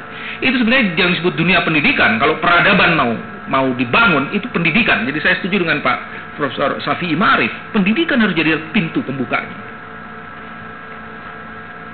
Mobilitas vertikal itu bisa dilakukan dalam pendidikan. Kalau kita bisa mengakses universitas top di dunia di bidang sains dan humaniora, itu sebenarnya nggak ke mana-mana. Dunia itu ada dalam genggaman tangan kita sebenarnya.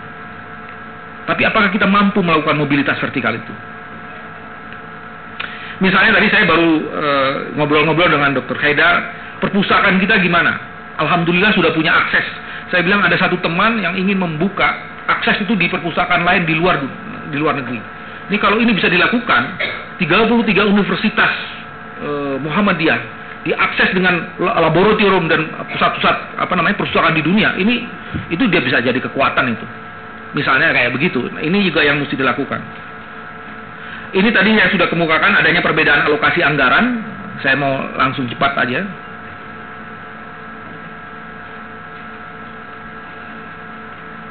Sekarang pertanyaan-pertanyaannya kalau tadi ada begitu banyak masalah, itu sebabnya judulnya ini bagaimana membuka ruang bagi yang miskin. Apa posisi dan peran yang dimainkan oleh organisasi Muhammadiyah? Bila ada potensi misalokasi, mismanagement, indikasi abuse of power, atau kebijakan yang tidak sesuai dengan kebutuhan umat di mana posisi dan peran organisasi di antara tantangan meminimalisasi anak putus sekolah, menciptakan lembaga pendidikan sebagai par excellence, tapi juga mencegah akses dan ekses pornografi di kalangan pelajar, serta menjadikan pendidikan sebagai pusat pengkaderan umat, utama insan untuk mewujudkan cita dan tujuan Muhammadiyah. Ini sebenarnya tantangannya di situ. Apa mungkin dibuat program quick wins, penguatan positioning, peran pada multi level posisi rakyat, korporasi dan negara dan memberikan posisi fokus pada pembentukan akhlakul karimah dan pengkaderan. Ini pertanyaan-pertanyaan karena saya belum memeriksa dan belum banyak terlibat di Muhammadiyah jadi saya nggak berani. Saya Mas minta izin. ini sekarang loncat di korupsi nih Pak. Tadi ngomong pendidikan. Karena apa? Asumsinya gini. Kalau tadi pendidikan pembuka peradaban, ini korupsi adalah kejahatan yang menghancurkan peradaban. Ini dua-duanya harus ditekel secara bersamaan. Saya mau kasih tahu misalnya ini data dari International Transparency. Itu lebih dari 60 negara di dunia. Itu sebenarnya menghancurkan proses pembangunan karena korupsinya luar biasa. Salah satu pimpinan dari TI itu mengatakan ada 400 miliar dolar hilang per tahun. 400 miliar dolar berapa itu? Saya loncat misalnya, data. Data mengenai uh, di Singapura. Itu di, di, di, di, dirilis, dirilis oleh Merrill Lynch. 55 ribu orang kaya di Singapura. Ada orang kaya di Singapura jumlahnya 55 ribu. Yang disebut kaya itu adalah kalau dia punya 1 juta US dollar. Sepertiga dari orang kaya di Singapura itu adalah orang Indonesia yang mempunyai mendapatkan residen tetap di sana kira-kira satu sepertiga itu berarti 17 ribu 17 ribu itu kalau dikalikan 1 juta itu berarti kan 17 miliar, billion. Itu berapa rupiah? Apakah itu uangnya dia atau uang hasil korupsi Indonesia yang ditaruh di Singapura?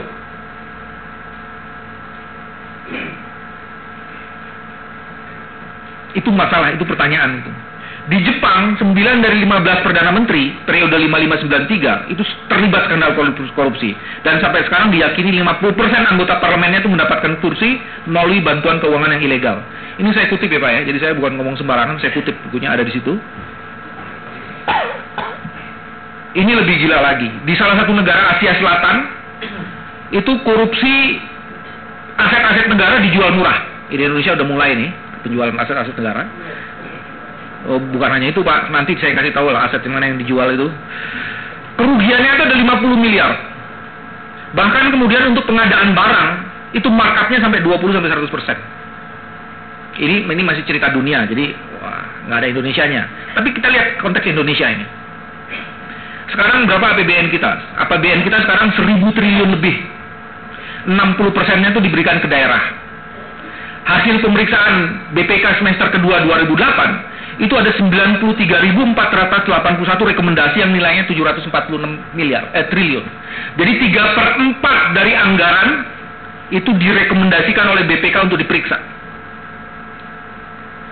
Dari angka itu yang di yang sudah ditindaklanjuti itu baru 38.010 sekitar 250. Jadi 50% dari anggaran tahun lalu, tahun lalu itu di bawah 1000 triliun Pak ya, tapi sudah mendekati 1000 triliun. Itu konteks Indonesia. Kalau lihat kualitas laporan Pemda, wah ini mengerikan lagi. Jadi yang dianggap tidak wajar itu Pemda sa Indonesia itu dari 10 naik ke 59. Tidak wajar laporan keuangannya. 59 daerah. Kalau mau dilacak bisa mana daerahnya saja. Dari dari semua laporan itu, BPK tidak memberikan pendapat karena kekacauan di laporan itu sekarang menjadi 120 daerah. Ini tahun 2008 Pak ya. Jadi 59 tambah 120 ada sudah 179.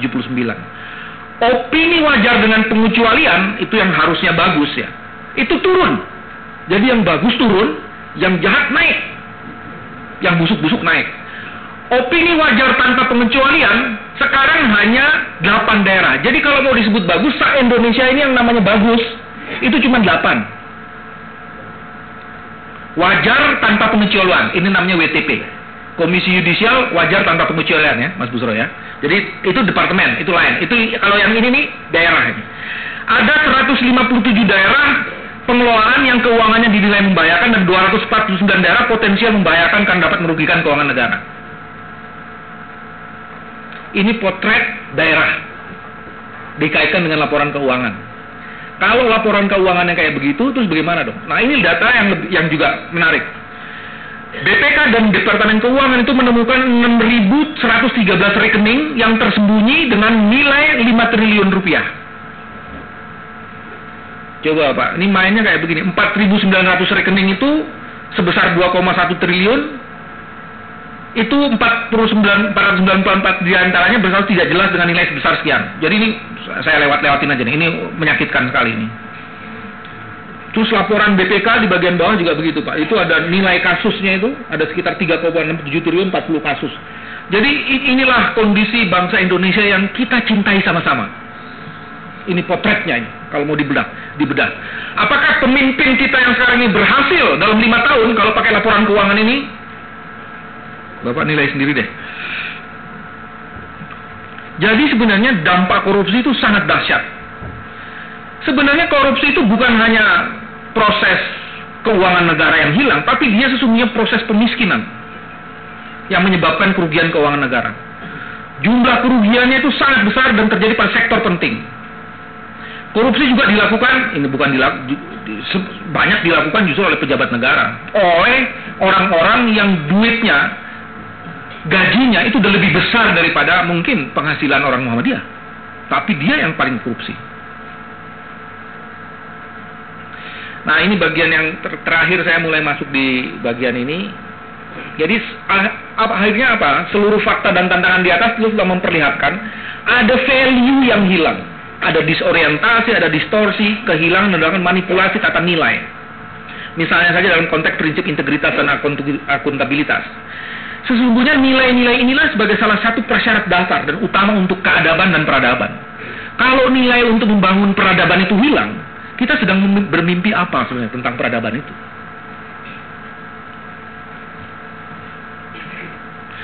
Sehingga kemudian Strategi intervensinya Muhammadiyah harus mampu merumuskan dan menciptakan serta membangun nilai-nilai otentik dan mentransformasikannya menjadi sikap dan perilaku.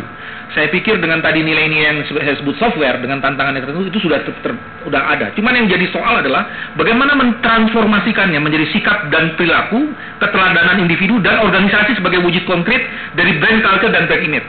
Mimpi saya itu gini loh Pak. Saya sudah menyebut eh, Muhammadiyah sebagai kita karena saya ingin masuk di situ. Saya ingin saya ingin mengatakan gini, kalau kemudian satu lembaga dipegang oleh orang Muhammadiyah, begitu dijawab, ah ini pasti beres. Bisa nggak? Itu yang disebut dengan brand image, brand culture. Jadi kalau dipegang Eh ini lembaga strukturalnya dipegang siapa nih? Wah, dilihat latar belakang, oh Muhammadiyah, aman, tenang, nggak usah diperiksa, itu pasti aman, pasti amanah.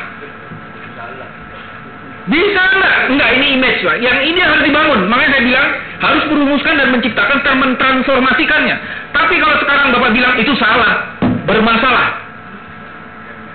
Kalau Bapak sudah bilang itu salah, ini bermasalah. Kita nggak punya brand image. Tugas kita adalah mentransformasikan nilai-nilai itu menjadi brand culture kita dan brand image itu.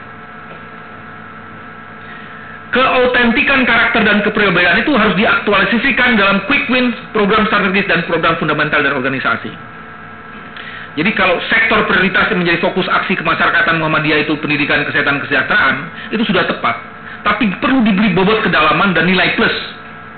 Pendidikan harus menjadi center of excellence, bukan karena 33 universitas.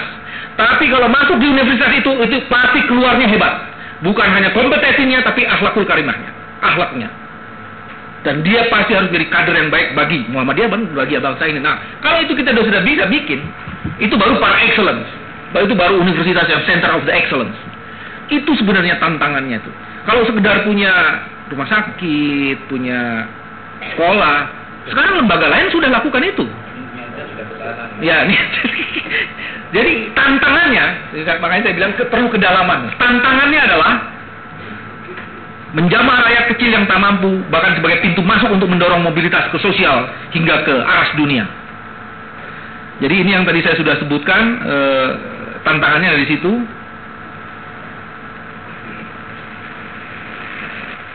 Muhammadiyah juga seharusnya memperhatikan ya dan mengadvokasi secara sungguh-sungguh korupsi yang dilakukan secara sistematis dan terstruktur yang sebenarnya telah menghancurkan human dan social capital kita yang berdampak serius. Saya eh, masih ada beberapa poin tapi saya ingin berbagi karena ini bulan puasa adalah bulan berbagi jadi saya nanti ibu dan bapak bisa baca saja di ini di apa, apa yang menjadi gagasan-gagasan eh, dari saya ini. Eh, nah ini bagian yang ini juga. Saya ini ini ini pikiran liar perlu difikirkan untuk memberi ruang yang lebih luas pada kader muda untuk menjawab tantangan perubahan yang begitu dinamis. Khususnya program quick win dan strategis dan dengan tetap memberikan peran strategis pada kader senior yang kaya pengalaman serta mempunyai wisdom dalam mengelola program fundamental. Jadi kayaknya tuh percepatan-percepatan itu Pak mesti didorong dengan di, kalau perlu dipaksa pada kader-kader muda itu untuk mencapai pada tahapan-tahapan tertentu. Ini juga salah satu ruang e, karena ternyata sekarang hampir sebagian besar orang-orang yang doktoral itu umurnya 30-40 tahun. Dan dialah yang menciptakan perubahan-perubahan teknologi. Jadi ini ini ini fakta yang perlu diini.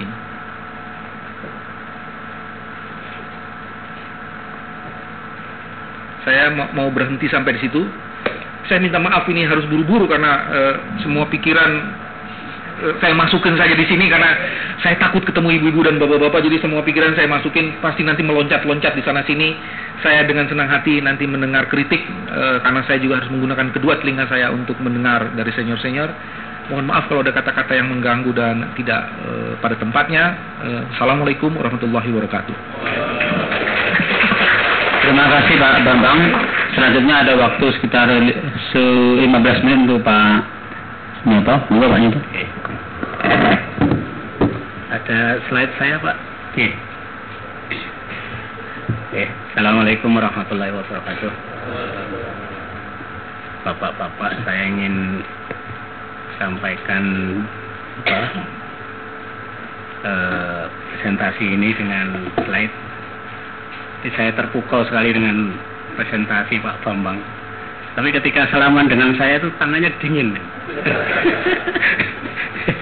Rupanya ngeri juga masuk kandang Muhammadiyah ini ya. Ini saya dari Fakultas Ilmu Sosial dan Ilmu Politik UGM. Jadi mungkin nanti presentasi saya agak bau-bau politik sedikit. Dan Pak Bambang eh, tahun 2004 yang lalu itu kader utama Muhammadiyah itu eh, mencalonkan diri sebagai calon presiden RI. Dan itu adalah alumni Fakultas Ilmu Sosial dan Ilmu Politik UGM. Gitu. Jadi Visipol memang sudah melahirkan Pak kader saya. Hanya sayangnya kalah Pak. Baiklah, saya akan mulai dari, silakan Pak.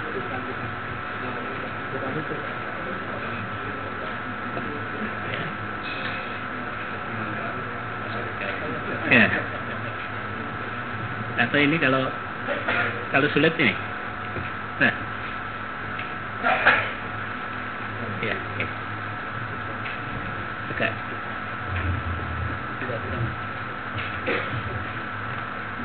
Tidak sulit ya. Nah, itu ada Muhammadiyah. Ya, ya.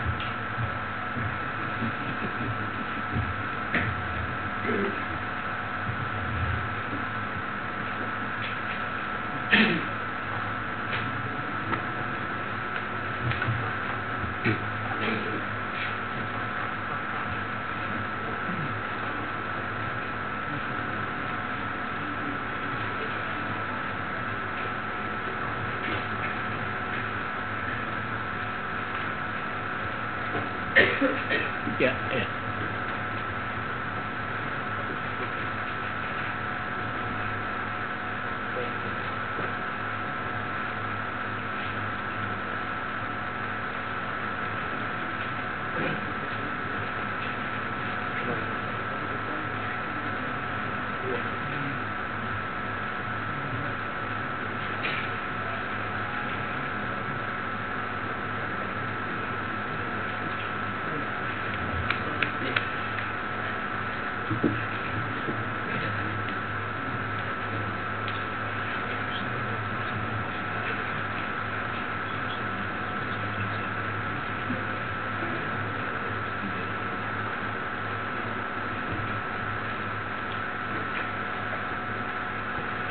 Pak? Belum masuk.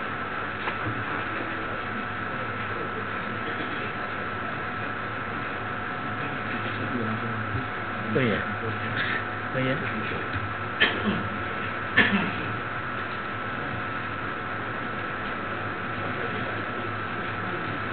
Ya, ada apa ya, dokter? Ya. Oke, oke. Eh, baik, saya memulai slide yang ada di sana. Di buku itu slide 2. Ini sebuah kerangka yang saya tawarkan eh, tentang bagaimana studi gerakan itu ya. Maksud saya supaya analisisnya itu tidak otak-atik gaduk. Tidak otak-atik maduk.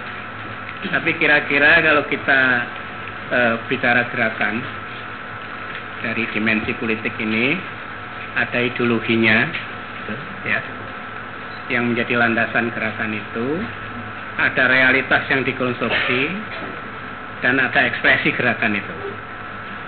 Nah pada slide eh, berikutnya pada halaman 2 itu jadi kalau di rentang itu gerakan ini ada yang kanan kanan yang yang fundamentalis yang kiri itu yang oh, bukan maksudnya yang yang Islam yang kuat itu yang kiri itu yang sekuler. Ya. Jadi kira-kira kalau di rentang gerakan itu e, berada di sana. Yang kanan itu jargonnya adalah jihad fisabilillah. Yang ke kiri nanti jargonnya adalah gerakan moral dan akhlak. Nah ini punya implikasi pada hubungan antara negara dan agama. Yang di kiri itu nanti asumsinya itu NKRI sudah final. Agama adalah persoalan privat. Ya, lalu negara dan agama sendiri. Pluralisme. Saya tadi tidak mendengarkan ceramahnya Pak Munir Profesor Munir, tapi saya kira beliau ini suka yang ke sana itu.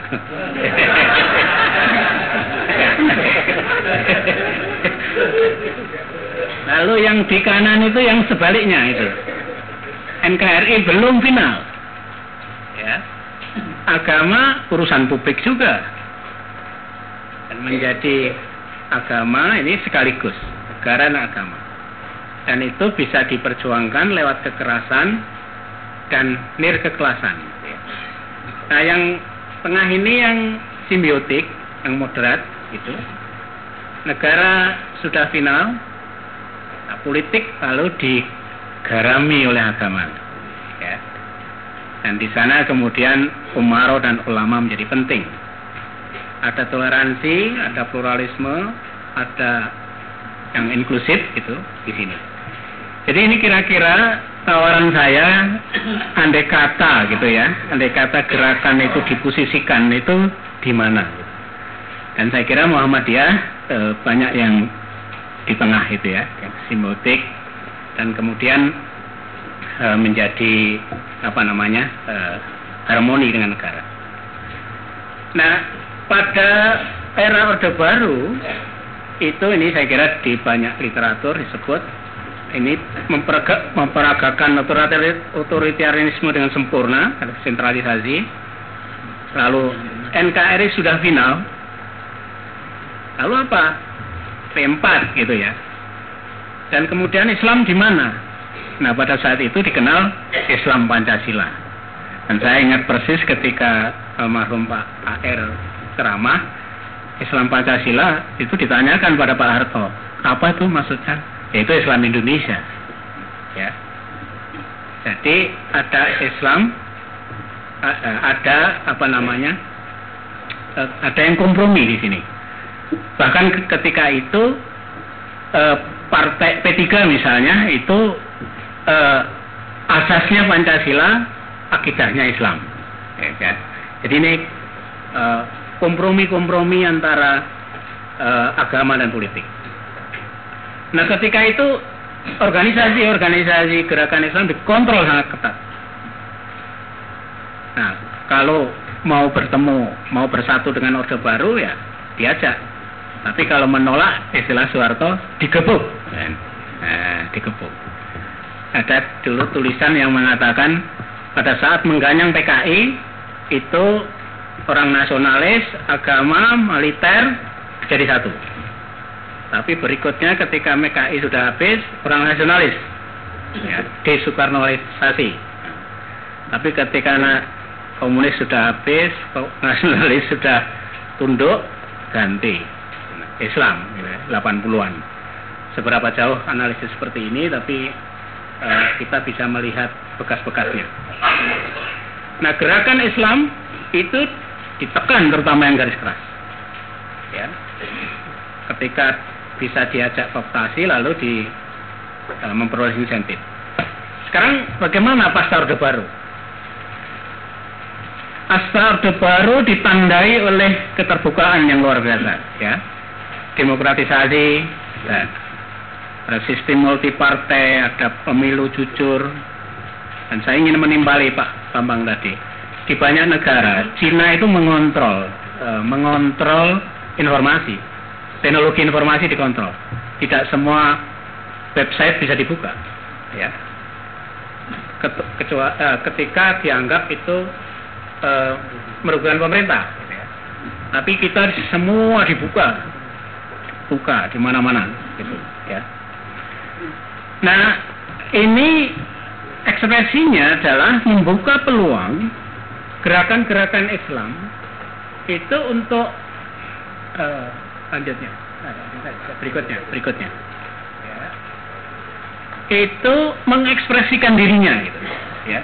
Bahkan pemerintah juga memberi peluang atas nama birokrasi demokrasi. Nah gerakan-gerakan Islam memperoleh ruang gerak melakukan kegiatan politik melakukan pemikiran dan itu yang tidak mungkin hal seperti itu dilakukan oleh Orde Baru. Ya Nah, karena itu ini terjadi agak berbeda ya, meskipun mungkin substansinya kurang lebih masih sama, masih di seputar uh, Islam moderat, prororis, liberal, garis keras, bahkan kemudian timbul aliran sesat gitu. Nah, silakan berikutnya. Nah, inilah yang ingin saya tawarkan sebuah uh, model untuk memahami sebetulnya di mana gitu ya Nah di kotak yang paling bawah pojok itu upaya upaya-upaya gerakan Islam yang sebetulnya lebih negara bangsa ya berorientasi pada pada Indonesia kira-kira gitu. Nah, ini lawannya di sana yang transnational practices itu yang dunia sebetulnya ya dan saya kira uh, Muhammadiyah maupun NU masih berada banyak di sini. Ya. Uh, ada international relations ya tapi belum transnational practices. Nah, ini saya kira yang nanti kita bedakan dengan gerakan-gerakan yang agak fundamental karena mereka nanti lebih ke sana. Ya. Jadi yang disebut umat itu adalah umat Islam di Indonesia. Malah kemudian itu warga Muhammadiyah. Malah kemudian ditanya Muhammadiyah PAN apa PKS gitu. Misalnya oh PKS PKS yang pro koalisi apa yang anti koalisi ya. jadi menjadi menyempit menyempit. Ya. Konsep umat menjadi di sini nah coba kita lihat terusnya ini adalah saya download dari internet bagaimana kemudian salah satu contoh aja jaringan Ikhwanul Muslimin itu pada transnasional praktisis itu bergerak. Siapa umat? Ya di dunia ini. Maka menjadi mudah dipahami ketika Amerika seenaknya saja di Irak, di Afghanistan menimbulkan emosi sangat tinggi. Karena itu saudara saya sedang dijajah oleh orang kafir. Ya. Berikutnya. Ini gambaran itu sahir saya tidak tahu seberapa data ini valid ya, tapi ini saya kira bapak-bapak, ibu-ibu bisa download. Bagaimana membayangkan sebetulnya sudah berada di mana-mana. Ya. Inilah uh, dalam bayangan saya ini transnasional praktisis itu. Jadi siapa umat itu di dalam model gerakan seperti ini menjadi luas sekali. Misalnya. Dulu pernah ada tulisan itu, andai kata misalnya orang yang pergi haji berkumpul di Saudi itu berdiskusi misalnya memecahkan masalah-masalah umat luar biasa ya. bagaimana mengumpulkan orang sekian ribu di sana ya tapi kan kita tidak kita itu jamaah haji disibukkan itu penginapan di mana cateringnya terlambat apa tidak ya, sangat teknis sekali. Ya, persoalan-persoalan yang sebenarnya to do dengan banyak ibadah itu ini adalah so soal teknis saja, pernik-perniknya saja. Ya. Padahal tulisan itu mengatakan itu potensial menjadi sebuah forum, sebuah mimbar transnasional praktis. Nah, coba berikutnya. Ini tadi gerakan Islam yang transnasional ini ideologi perjuangannya ini kepentingan umat tidak dibatasi oleh negara bangsa. Lalu khilafah. Ya. memerangi penjajahan barat. Nah sekarang kalau kenapa kenapa apa e, pemerintah sendiri diperangi gitu? Dianggap sebagai agen dari barat itu. Nanti saya tunjukkan mengapa itu sampai lahir anggapan semacam itu. Nah, implikasi kelembagaannya ini menjadi bagian dari kelompok-kelompok yang bergerak pada skala internasional, skala luas tadi. Ya. Implikasi finansialnya itu memperoleh dukungan luar biasa dari uh, internasional kemudian. Jadi jangan heran kalau misalnya polisi menangkap aliran dana seperti itu. Ya. Karena saya kira inilah implikasi dari transnational practices itu. Implikasi sumber daya manusia itu ada pendidikan keberadaan negara, rekrutmen, ya, dan inilah yang kemudian settingnya adalah dunia. Gitu. Nah silahkan berikutnya.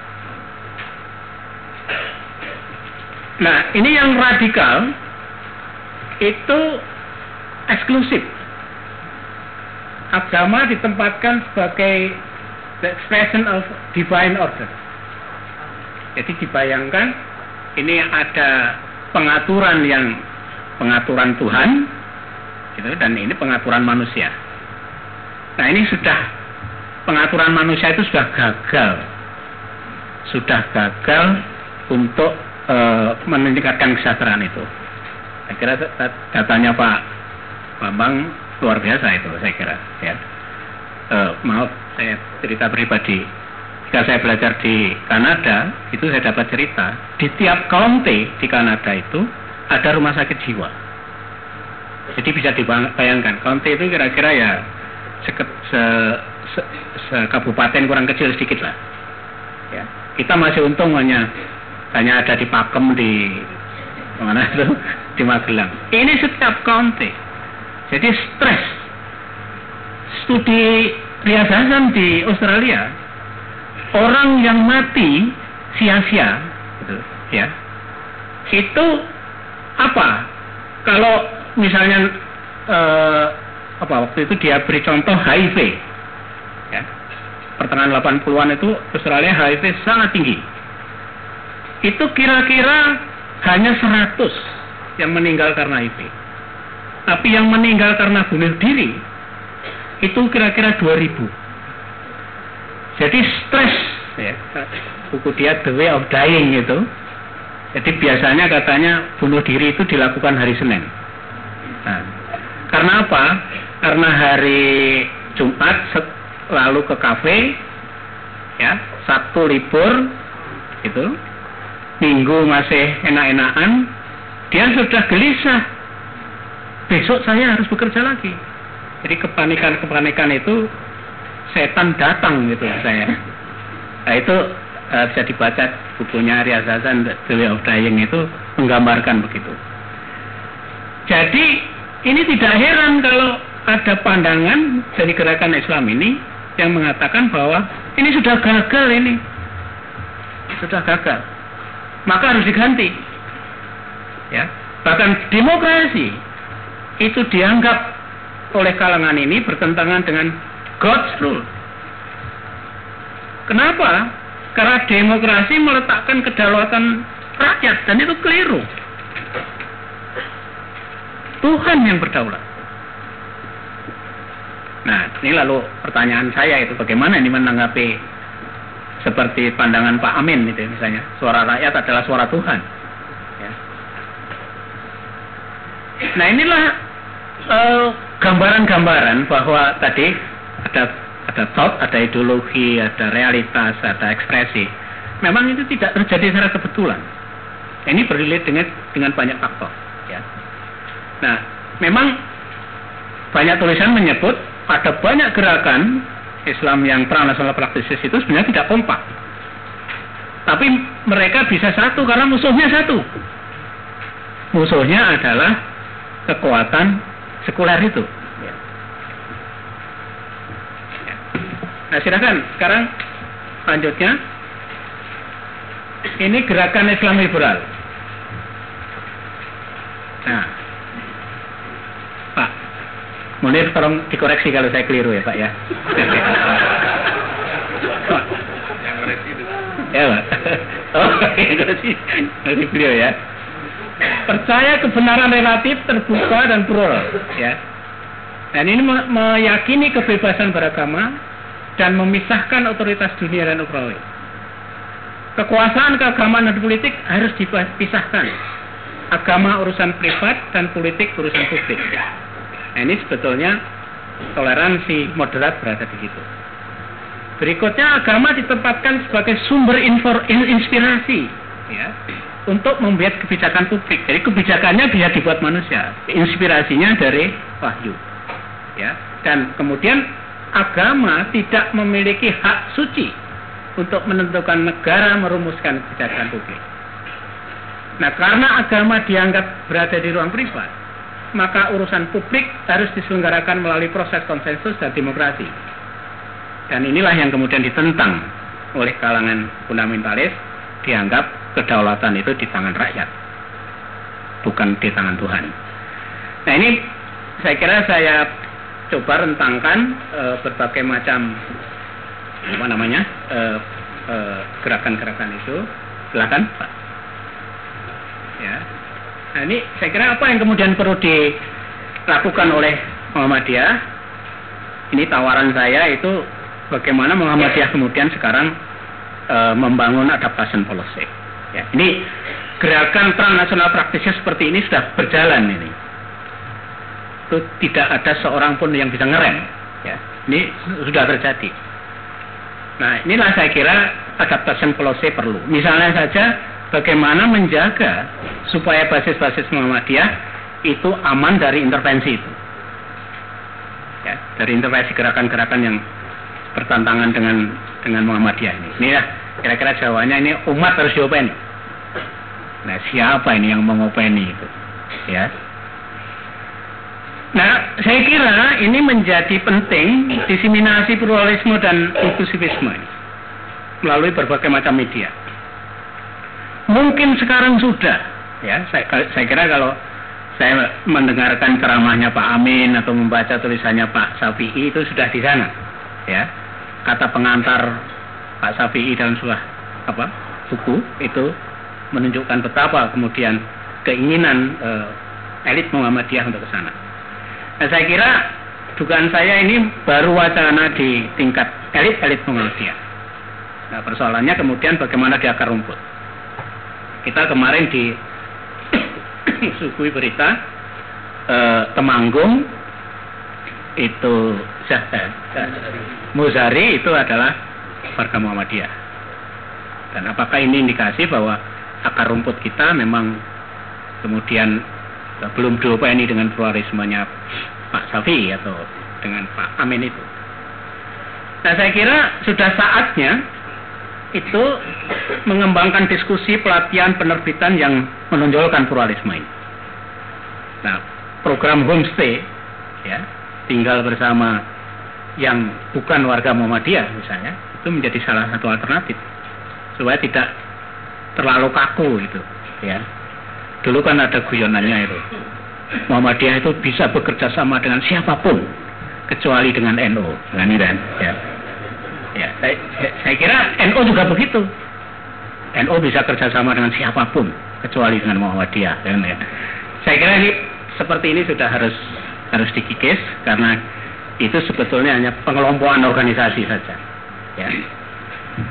Lalu bagaimana ini tantangan berikutnya adalah mengembangkan kegiatan yang transnasional praktisis ini. Artinya bagaimana Muhammadiyah tidak hanya memiliki perbenaran pengetahuan isu-isu nasional, tapi juga isu-isu internasional.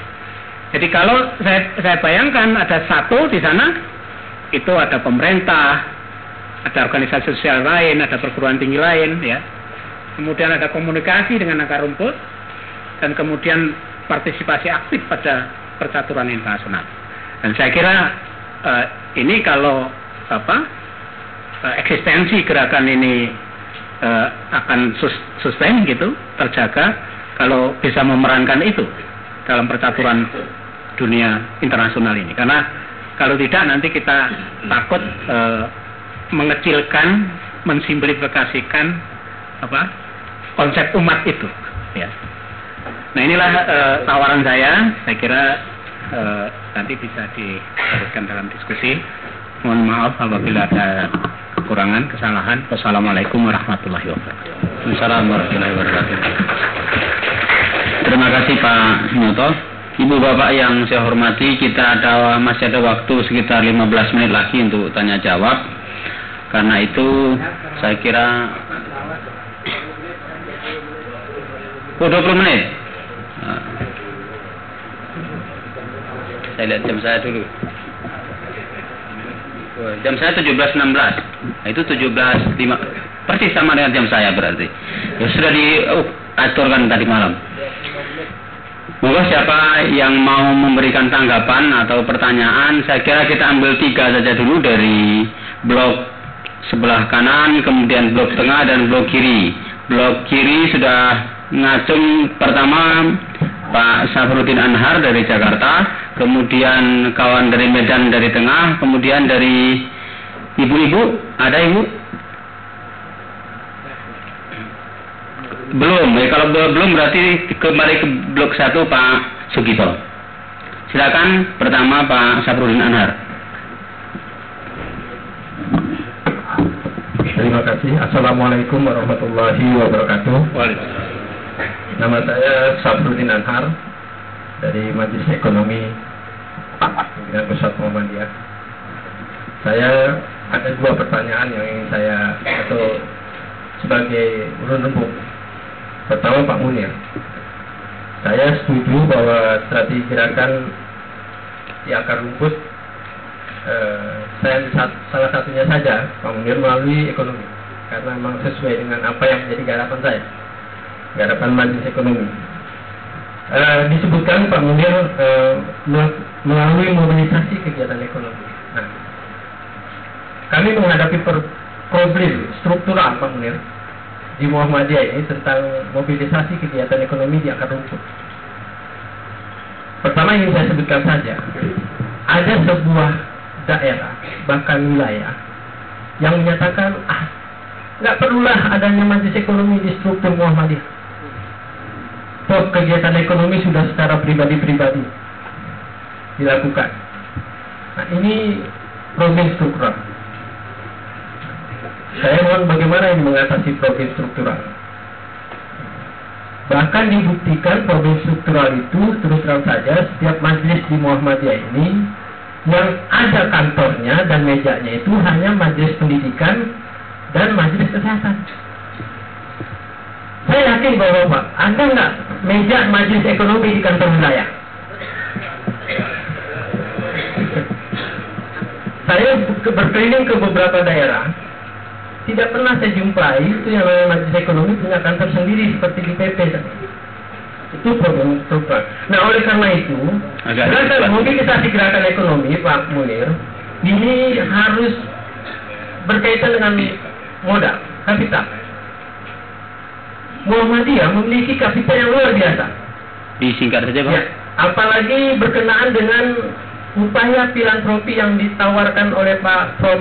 Ajumardi kemarin. Problemnya, sejauh mana lembaga-lembaga filantropi maupun lembaga-lembaga yang memiliki kapital itu memiliki concern yang tepat bagi pengembangan ekonomi di akar rumput. Terus terang, Majelis Ekonomi, nah, keputusan muktamar di Malang menggerakkan kegiatan ekonomi harus linkage dengan pendaya gunaan lembaga filantropi. Tapi ini sama sekali mungkin hampir belum dibaca oleh pimpinan Muhammadiyah baik di tingkat pusat maupun sampai tingkat daerah. Poin per poin Nah, oleh karena itu saya inginkan sejauh mana ya Pak Mudir melihat pentingnya sebuah lembaga filantropi bagi gerakan eh, apa gerakan di akar rumput melalui kegiatan ekonomi itu. Yang kedua untuk Pak Bambang. Pak Bambang, tadi Pak Bambang ada pertanyaan, apa peran organisasi Muhammadiyah dalam menangkal pendangkalan peradaban? Yang salah satunya adalah misalokasi anggaran. Pak Bambang, saya eh, Oke, oke itu Ya. pertanyaan cuma dua. enggak, sebentar. Hmm. Pertanyaan Pak Bambang adalah Hmm. sebagai eh, lembaga eh, partnership yang memang care terhadap persoalan pengalokasian anggaran apalagi untuk eh, kemasyarakatan ini saya hanya menyarankan memang perlu ada eh, pemahaman bagi mereka pembuat kebijakan anggaran untuk membuat semacam eh, legal eh, eh, apa eh, drafting. Legal drafting. Karena tidak semua yang namanya anggota DPRD DPR itu paham tentang legal drafting. Oke, dipersingkat saja. Persoalannya sekarang Per- pertanyaannya? sebentar, ini kalau enggak saya keluar dari ruangan ini kalau saya Berbagi waktu. persoalannya persoalannya adalah mis alokasi anggaran itu terletak pada kebijakan atau pemahaman anggota DPR DPRD terhadap problem kemasyarakatan. Satu contoh soal pendidikan. Pak, mohon maaf, pemerintah kita ini dalam membuat nomenklatur anggaran itu sama. Setiap provinsi sama, padahal kebutuhannya berbeda-beda. Oleh karena itu, saya dulu pernah di forum Transparansi Indonesia untuk Transparansi Anggaran Pak Pitra. Dua tahun saya dorong agar anggota dewan merubah nomenklatur agar tidak sama seperti yang diterapkan oleh Dekagri. Tapi bagaimana kebutuhan ini? Nah ini perlu advokasi. Bagaimana caranya Pak Bambang melalui Muhammadiyah untuk bekerja sama melakukan advokasi tentang itu? Terima kasih. Oke, biar cepat mic-nya sudah di sana, monggo Pak Gito singkat saja Pak, poin per poin.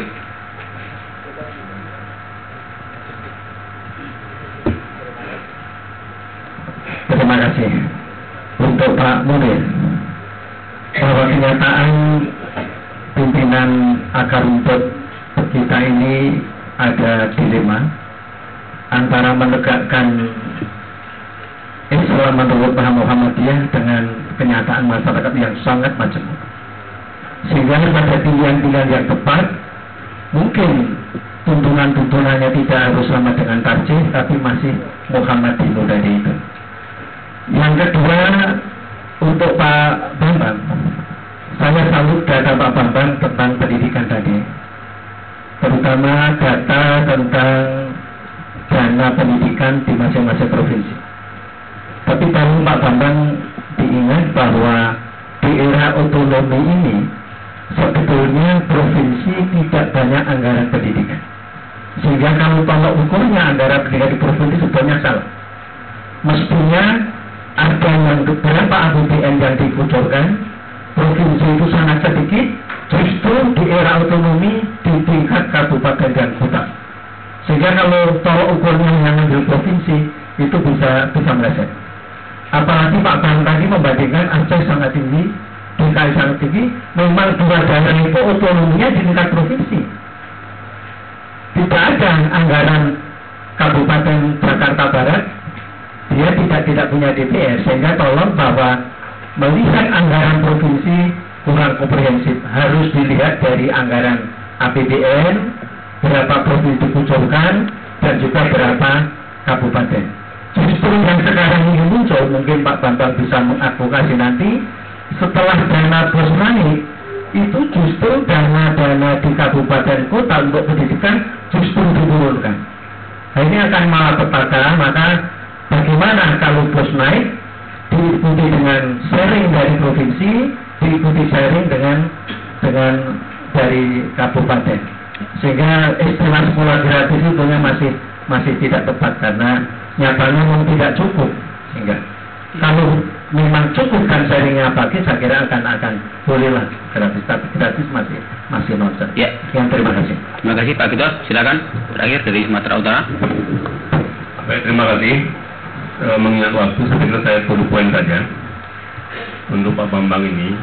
E, kita sudah jelas semua bahwa Muhammadiyah dalam abad memasuki abad terus tahun dan memasuki abad terus tahun kedua ingin mewujudkan peradaban utama. Lalu korupsi yang Bapak ceritakan tadi itu merusak peradaban. Apakah peradaban utama yang dicita-citakan oleh Muhammad itu bahasa bisa terwujud kalau korupsi masih mereka rela gitu. Satu. Yang kedua, apa kekuatan Muhammadiyah di dalam pemberantasan korupsi? Karena korupsi itu terjadi di birokrasi, di institusi-institusi yang kadang-kadang itu didorong oleh peraturan dan perundang-undang yang berlaku di institusi itu. Lalu apa kekuatan Muhammadiyah untuk untuk memberantas itu? Terima kasih Pak. Terima kasih. Selanjutnya jatah menjawab merespon dari Bapak bicara. Yang pertama dari Pak Munir. Uh, karena waktu ini jadi mungkin jawabnya singkat-singkat aja. Soal problem struktural saya kira pimpinan persyarikatan yang perlu menjawab gitu. Tetapi jangan uh, karena hambatan-hambatan mungkin pemahaman itu kemudian uh, program atau perhatian menjadi terhenti gitu. Satu. Yang kedua saya kira Muhammadiyah itu memang basis anggarannya itu filantropi plus mungkin uh, sumbangan kontribusi masyarakat terhadap amal usaha misalnya khususnya pendidikan gitu ya Oleh karena itu tadi saya usulkan bagaimana uh, diatur semian rupa sehingga sebagian dari filantropi itu untuk pemberdayaan ekonomi. Jadi memang sengaja misalnya berapa persen lah. Uh, lalu juga ada yang sungguhnya semi filantropi yang mungkin perlu dipikirkan misalnya korban. Itu korban itu apa harus dibagi daging atau sungguhnya lebih lebih produktif kalau itu diuangkan misalnya gitu ya misalnya dan saya kira banyak lagi yang lain. Kemudian yang ke nanti kalau panjang-panjang eh, jadi liberal gitu kan. Karena begini loh Pak, uh, kita mesti selalu memikirkan bagaimana membumikan itu yang yang persoalan-persoalan yang kita hadapi itu tidak ada di zaman Nabi gitu. Itu kan butuh ijtihad. Jadi sebenarnya liberal tadi itu tidak sedahsyat yang di paling nggak menurut saya loh ya. Pak nyontoh itu tapi perlu terus menerus ijtihad terhadap persoalan-persoalan baru untuk memecahkannya. Sumbernya ialah Quran hadis tetap aja. Gitu. Uh, nah ini, ini Pak, Pak Gita ini begini. Jadi kita ini kan uh, mengubah orang itu tidak sekali lalu jadi A jadi Z gitu loh. Maka seperti tadi saya gambarkan, uh, mungkin orang abangan itu jadi marmut dulu, lalu kemudian yang NU jadi munu gitu loh. Nah itu lalu kemudian dibawa ke sekurang-kurangnya al-ikhlas. Nah gitu jadi bagaimana kemudian uh, sehingga misalnya contoh di lapangan yang munu itu tidak seluruhnya jadi sudah ditaskih itu jadi misalnya ilah hotel seh segala macam itu sudah dihilangkan, sudah dihilangkan. Jadi paling kami kan ada rasionalisasi dalam proses itu. Nah pada tahap berikutnya tentu memang memang ini pilihan dan menurut saya dakwah itu bertahap, proses bertahap yang kemudian tujuan idealnya entah kapan tercapai itu ya mungkin sesuai dengan idealitas yang diinginkan uh, oleh Muhammadiyah. Saya kira gitu. Kasih. Lanjut Pak Bambang, berikutnya Pak Nyat. Pak Safrudin dan Pak Gito saya eh, jadi satu itu Pak ada data itu sebenarnya di kemitraan.or.id Pak. Jadi kemitraan titik or.id. Di situ data itu sebenarnya eh, mengukur governance index per provinsi.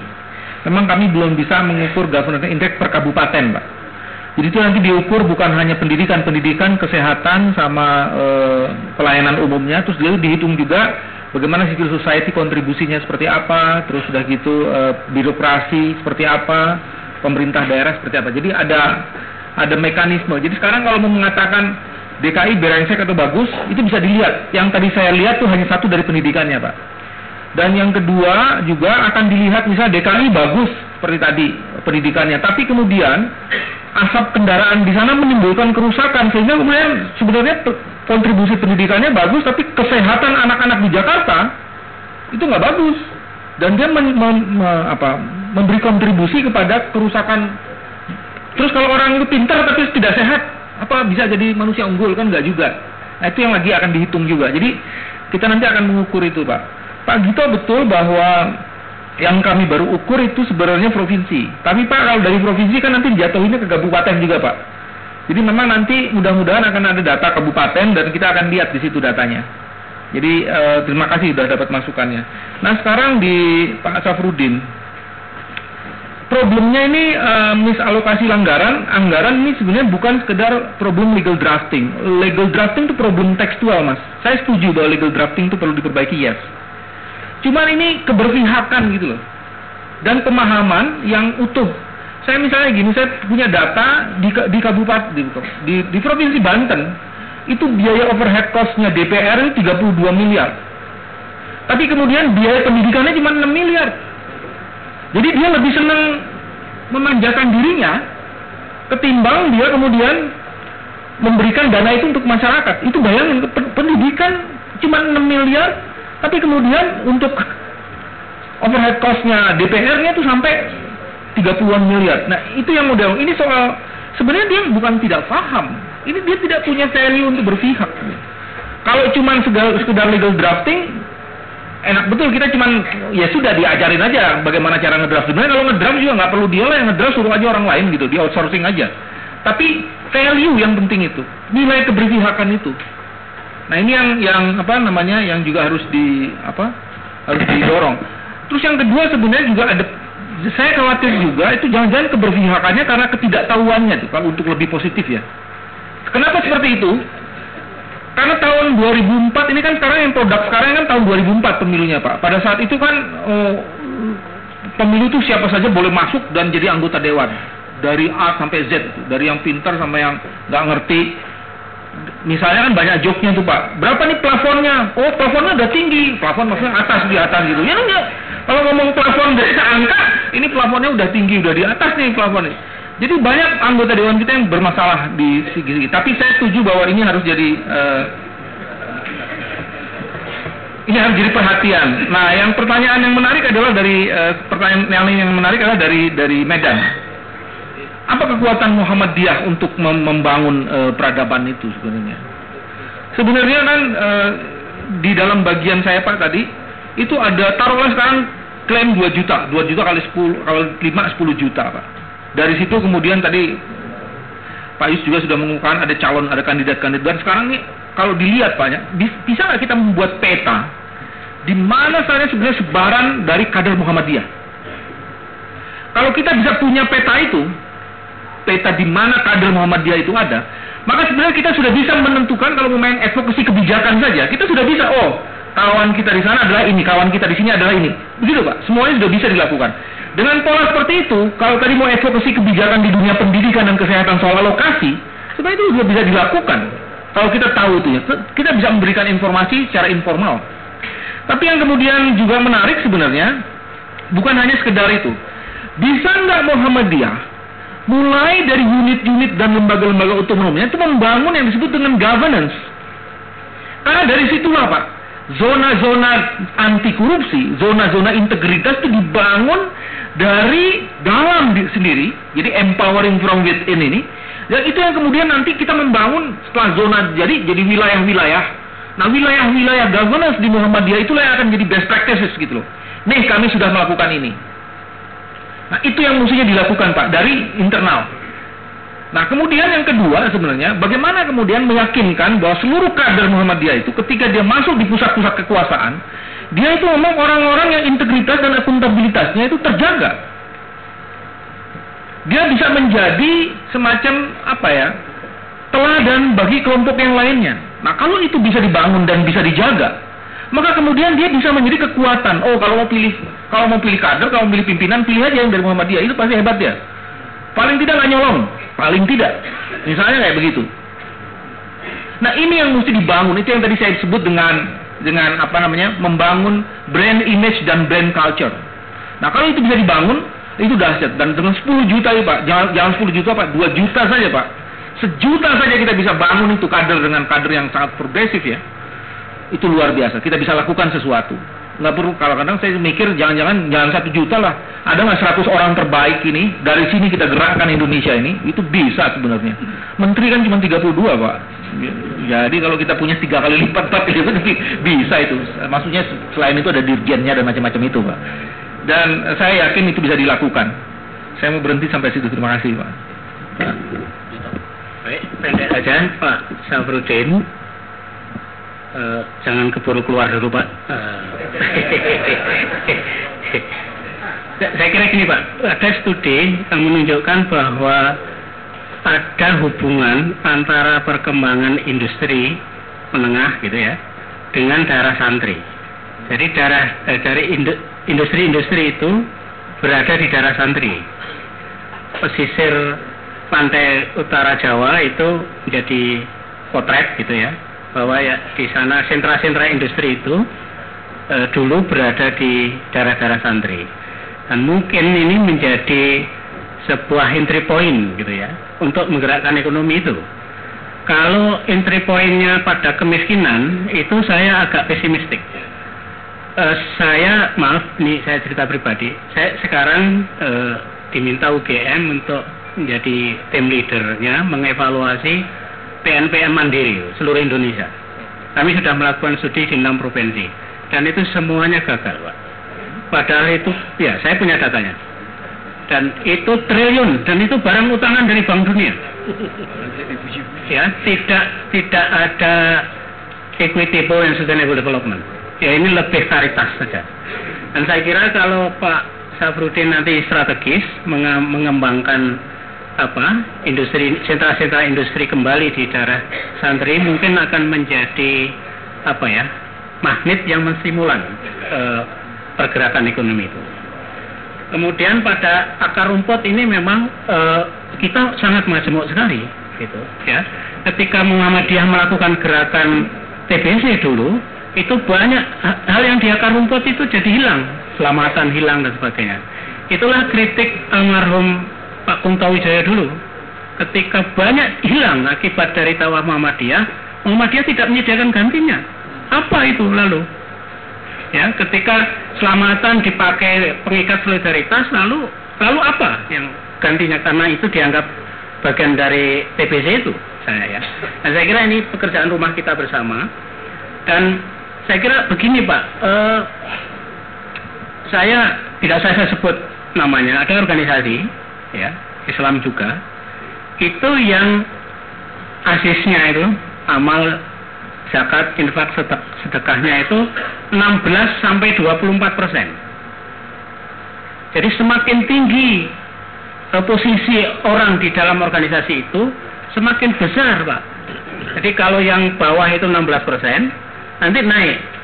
Misalnya ketua ranting jadi 17 persen, lalu ketua wilayah jadi eh, berapa? 20 kalau seperti Pak Haidar mungkin 24 gitu. Jadi semakin ke sana semakin tinggi. Dan itu bisa mengakumulasi dana yang luar biasa besar. Saya kira Muhammadiyah punya pengalaman yang sangat baik ketika eh, bank dulu yang pernah diinisiasi ya itu gagal ya. Dan saya kira ini uh, problem sendiri tapi uh, apa namanya uh, itu menjadi bagian catatan kita bagaimana mau mobilisasi ini. Nah saya ingin nimbrung tentang korupsi pak. Satu tulisan menyebut bahwa ada tiga tiga penjajahan bentuk baru, yaitu menguasai sumber daya alam, yang kedua mempengaruhi keputusan-keputusan strategis, dan yang ketiga adalah pasar. Dan tiga-tiganya ini, Pak, itu syarat korupsi. Jadi kalau intervensi asing, intervensi lembaga apa saja yang masih ketiga ini, itu bawaannya korupsi. Ya. Diberi fatwa apa saja, itu nggak mempan, Pak. Karena mereka sadar betul ini bawaannya itu mempengaruhi kebijakan strategis ya harus ada duitnya. Saya kira kita semua menyaksikan eh, siapa yang terpilih menjadi anggota legislatif ya, dari sekian ratus orang itu berapa sebetulnya yang betul-betul tokoh yang dipercaya oleh masyarakat ya. Dan saya kira yang dipercaya maksud saya tanpa money politics itu ya. Dan dugaan saya itu adalah kader-kader Muhammadiyah saja. Yang lah, ya kalau itu toh dilakukan malah kemudian seperti apa? Yang bersih. Ya. Terima kasih Pak. Mohon maaf. Terima kasih Pak Nyoto. Kita sudah masuk 17.40 waktu kita sudah mepet untuk masuki azan sehingga saya kira tanggung jawab kita cukupkan tapi sebelum kita akhiri ada beberapa catatan yang sempat saya ini yang pertama adalah bagaimana memang kita merevitalisasi Muhammadiyah ini untuk memberikan ruang-ruang yang luas. Dan mari kita akhiri sesi kita sekaligus dengan berdoa untuk berbuka puasa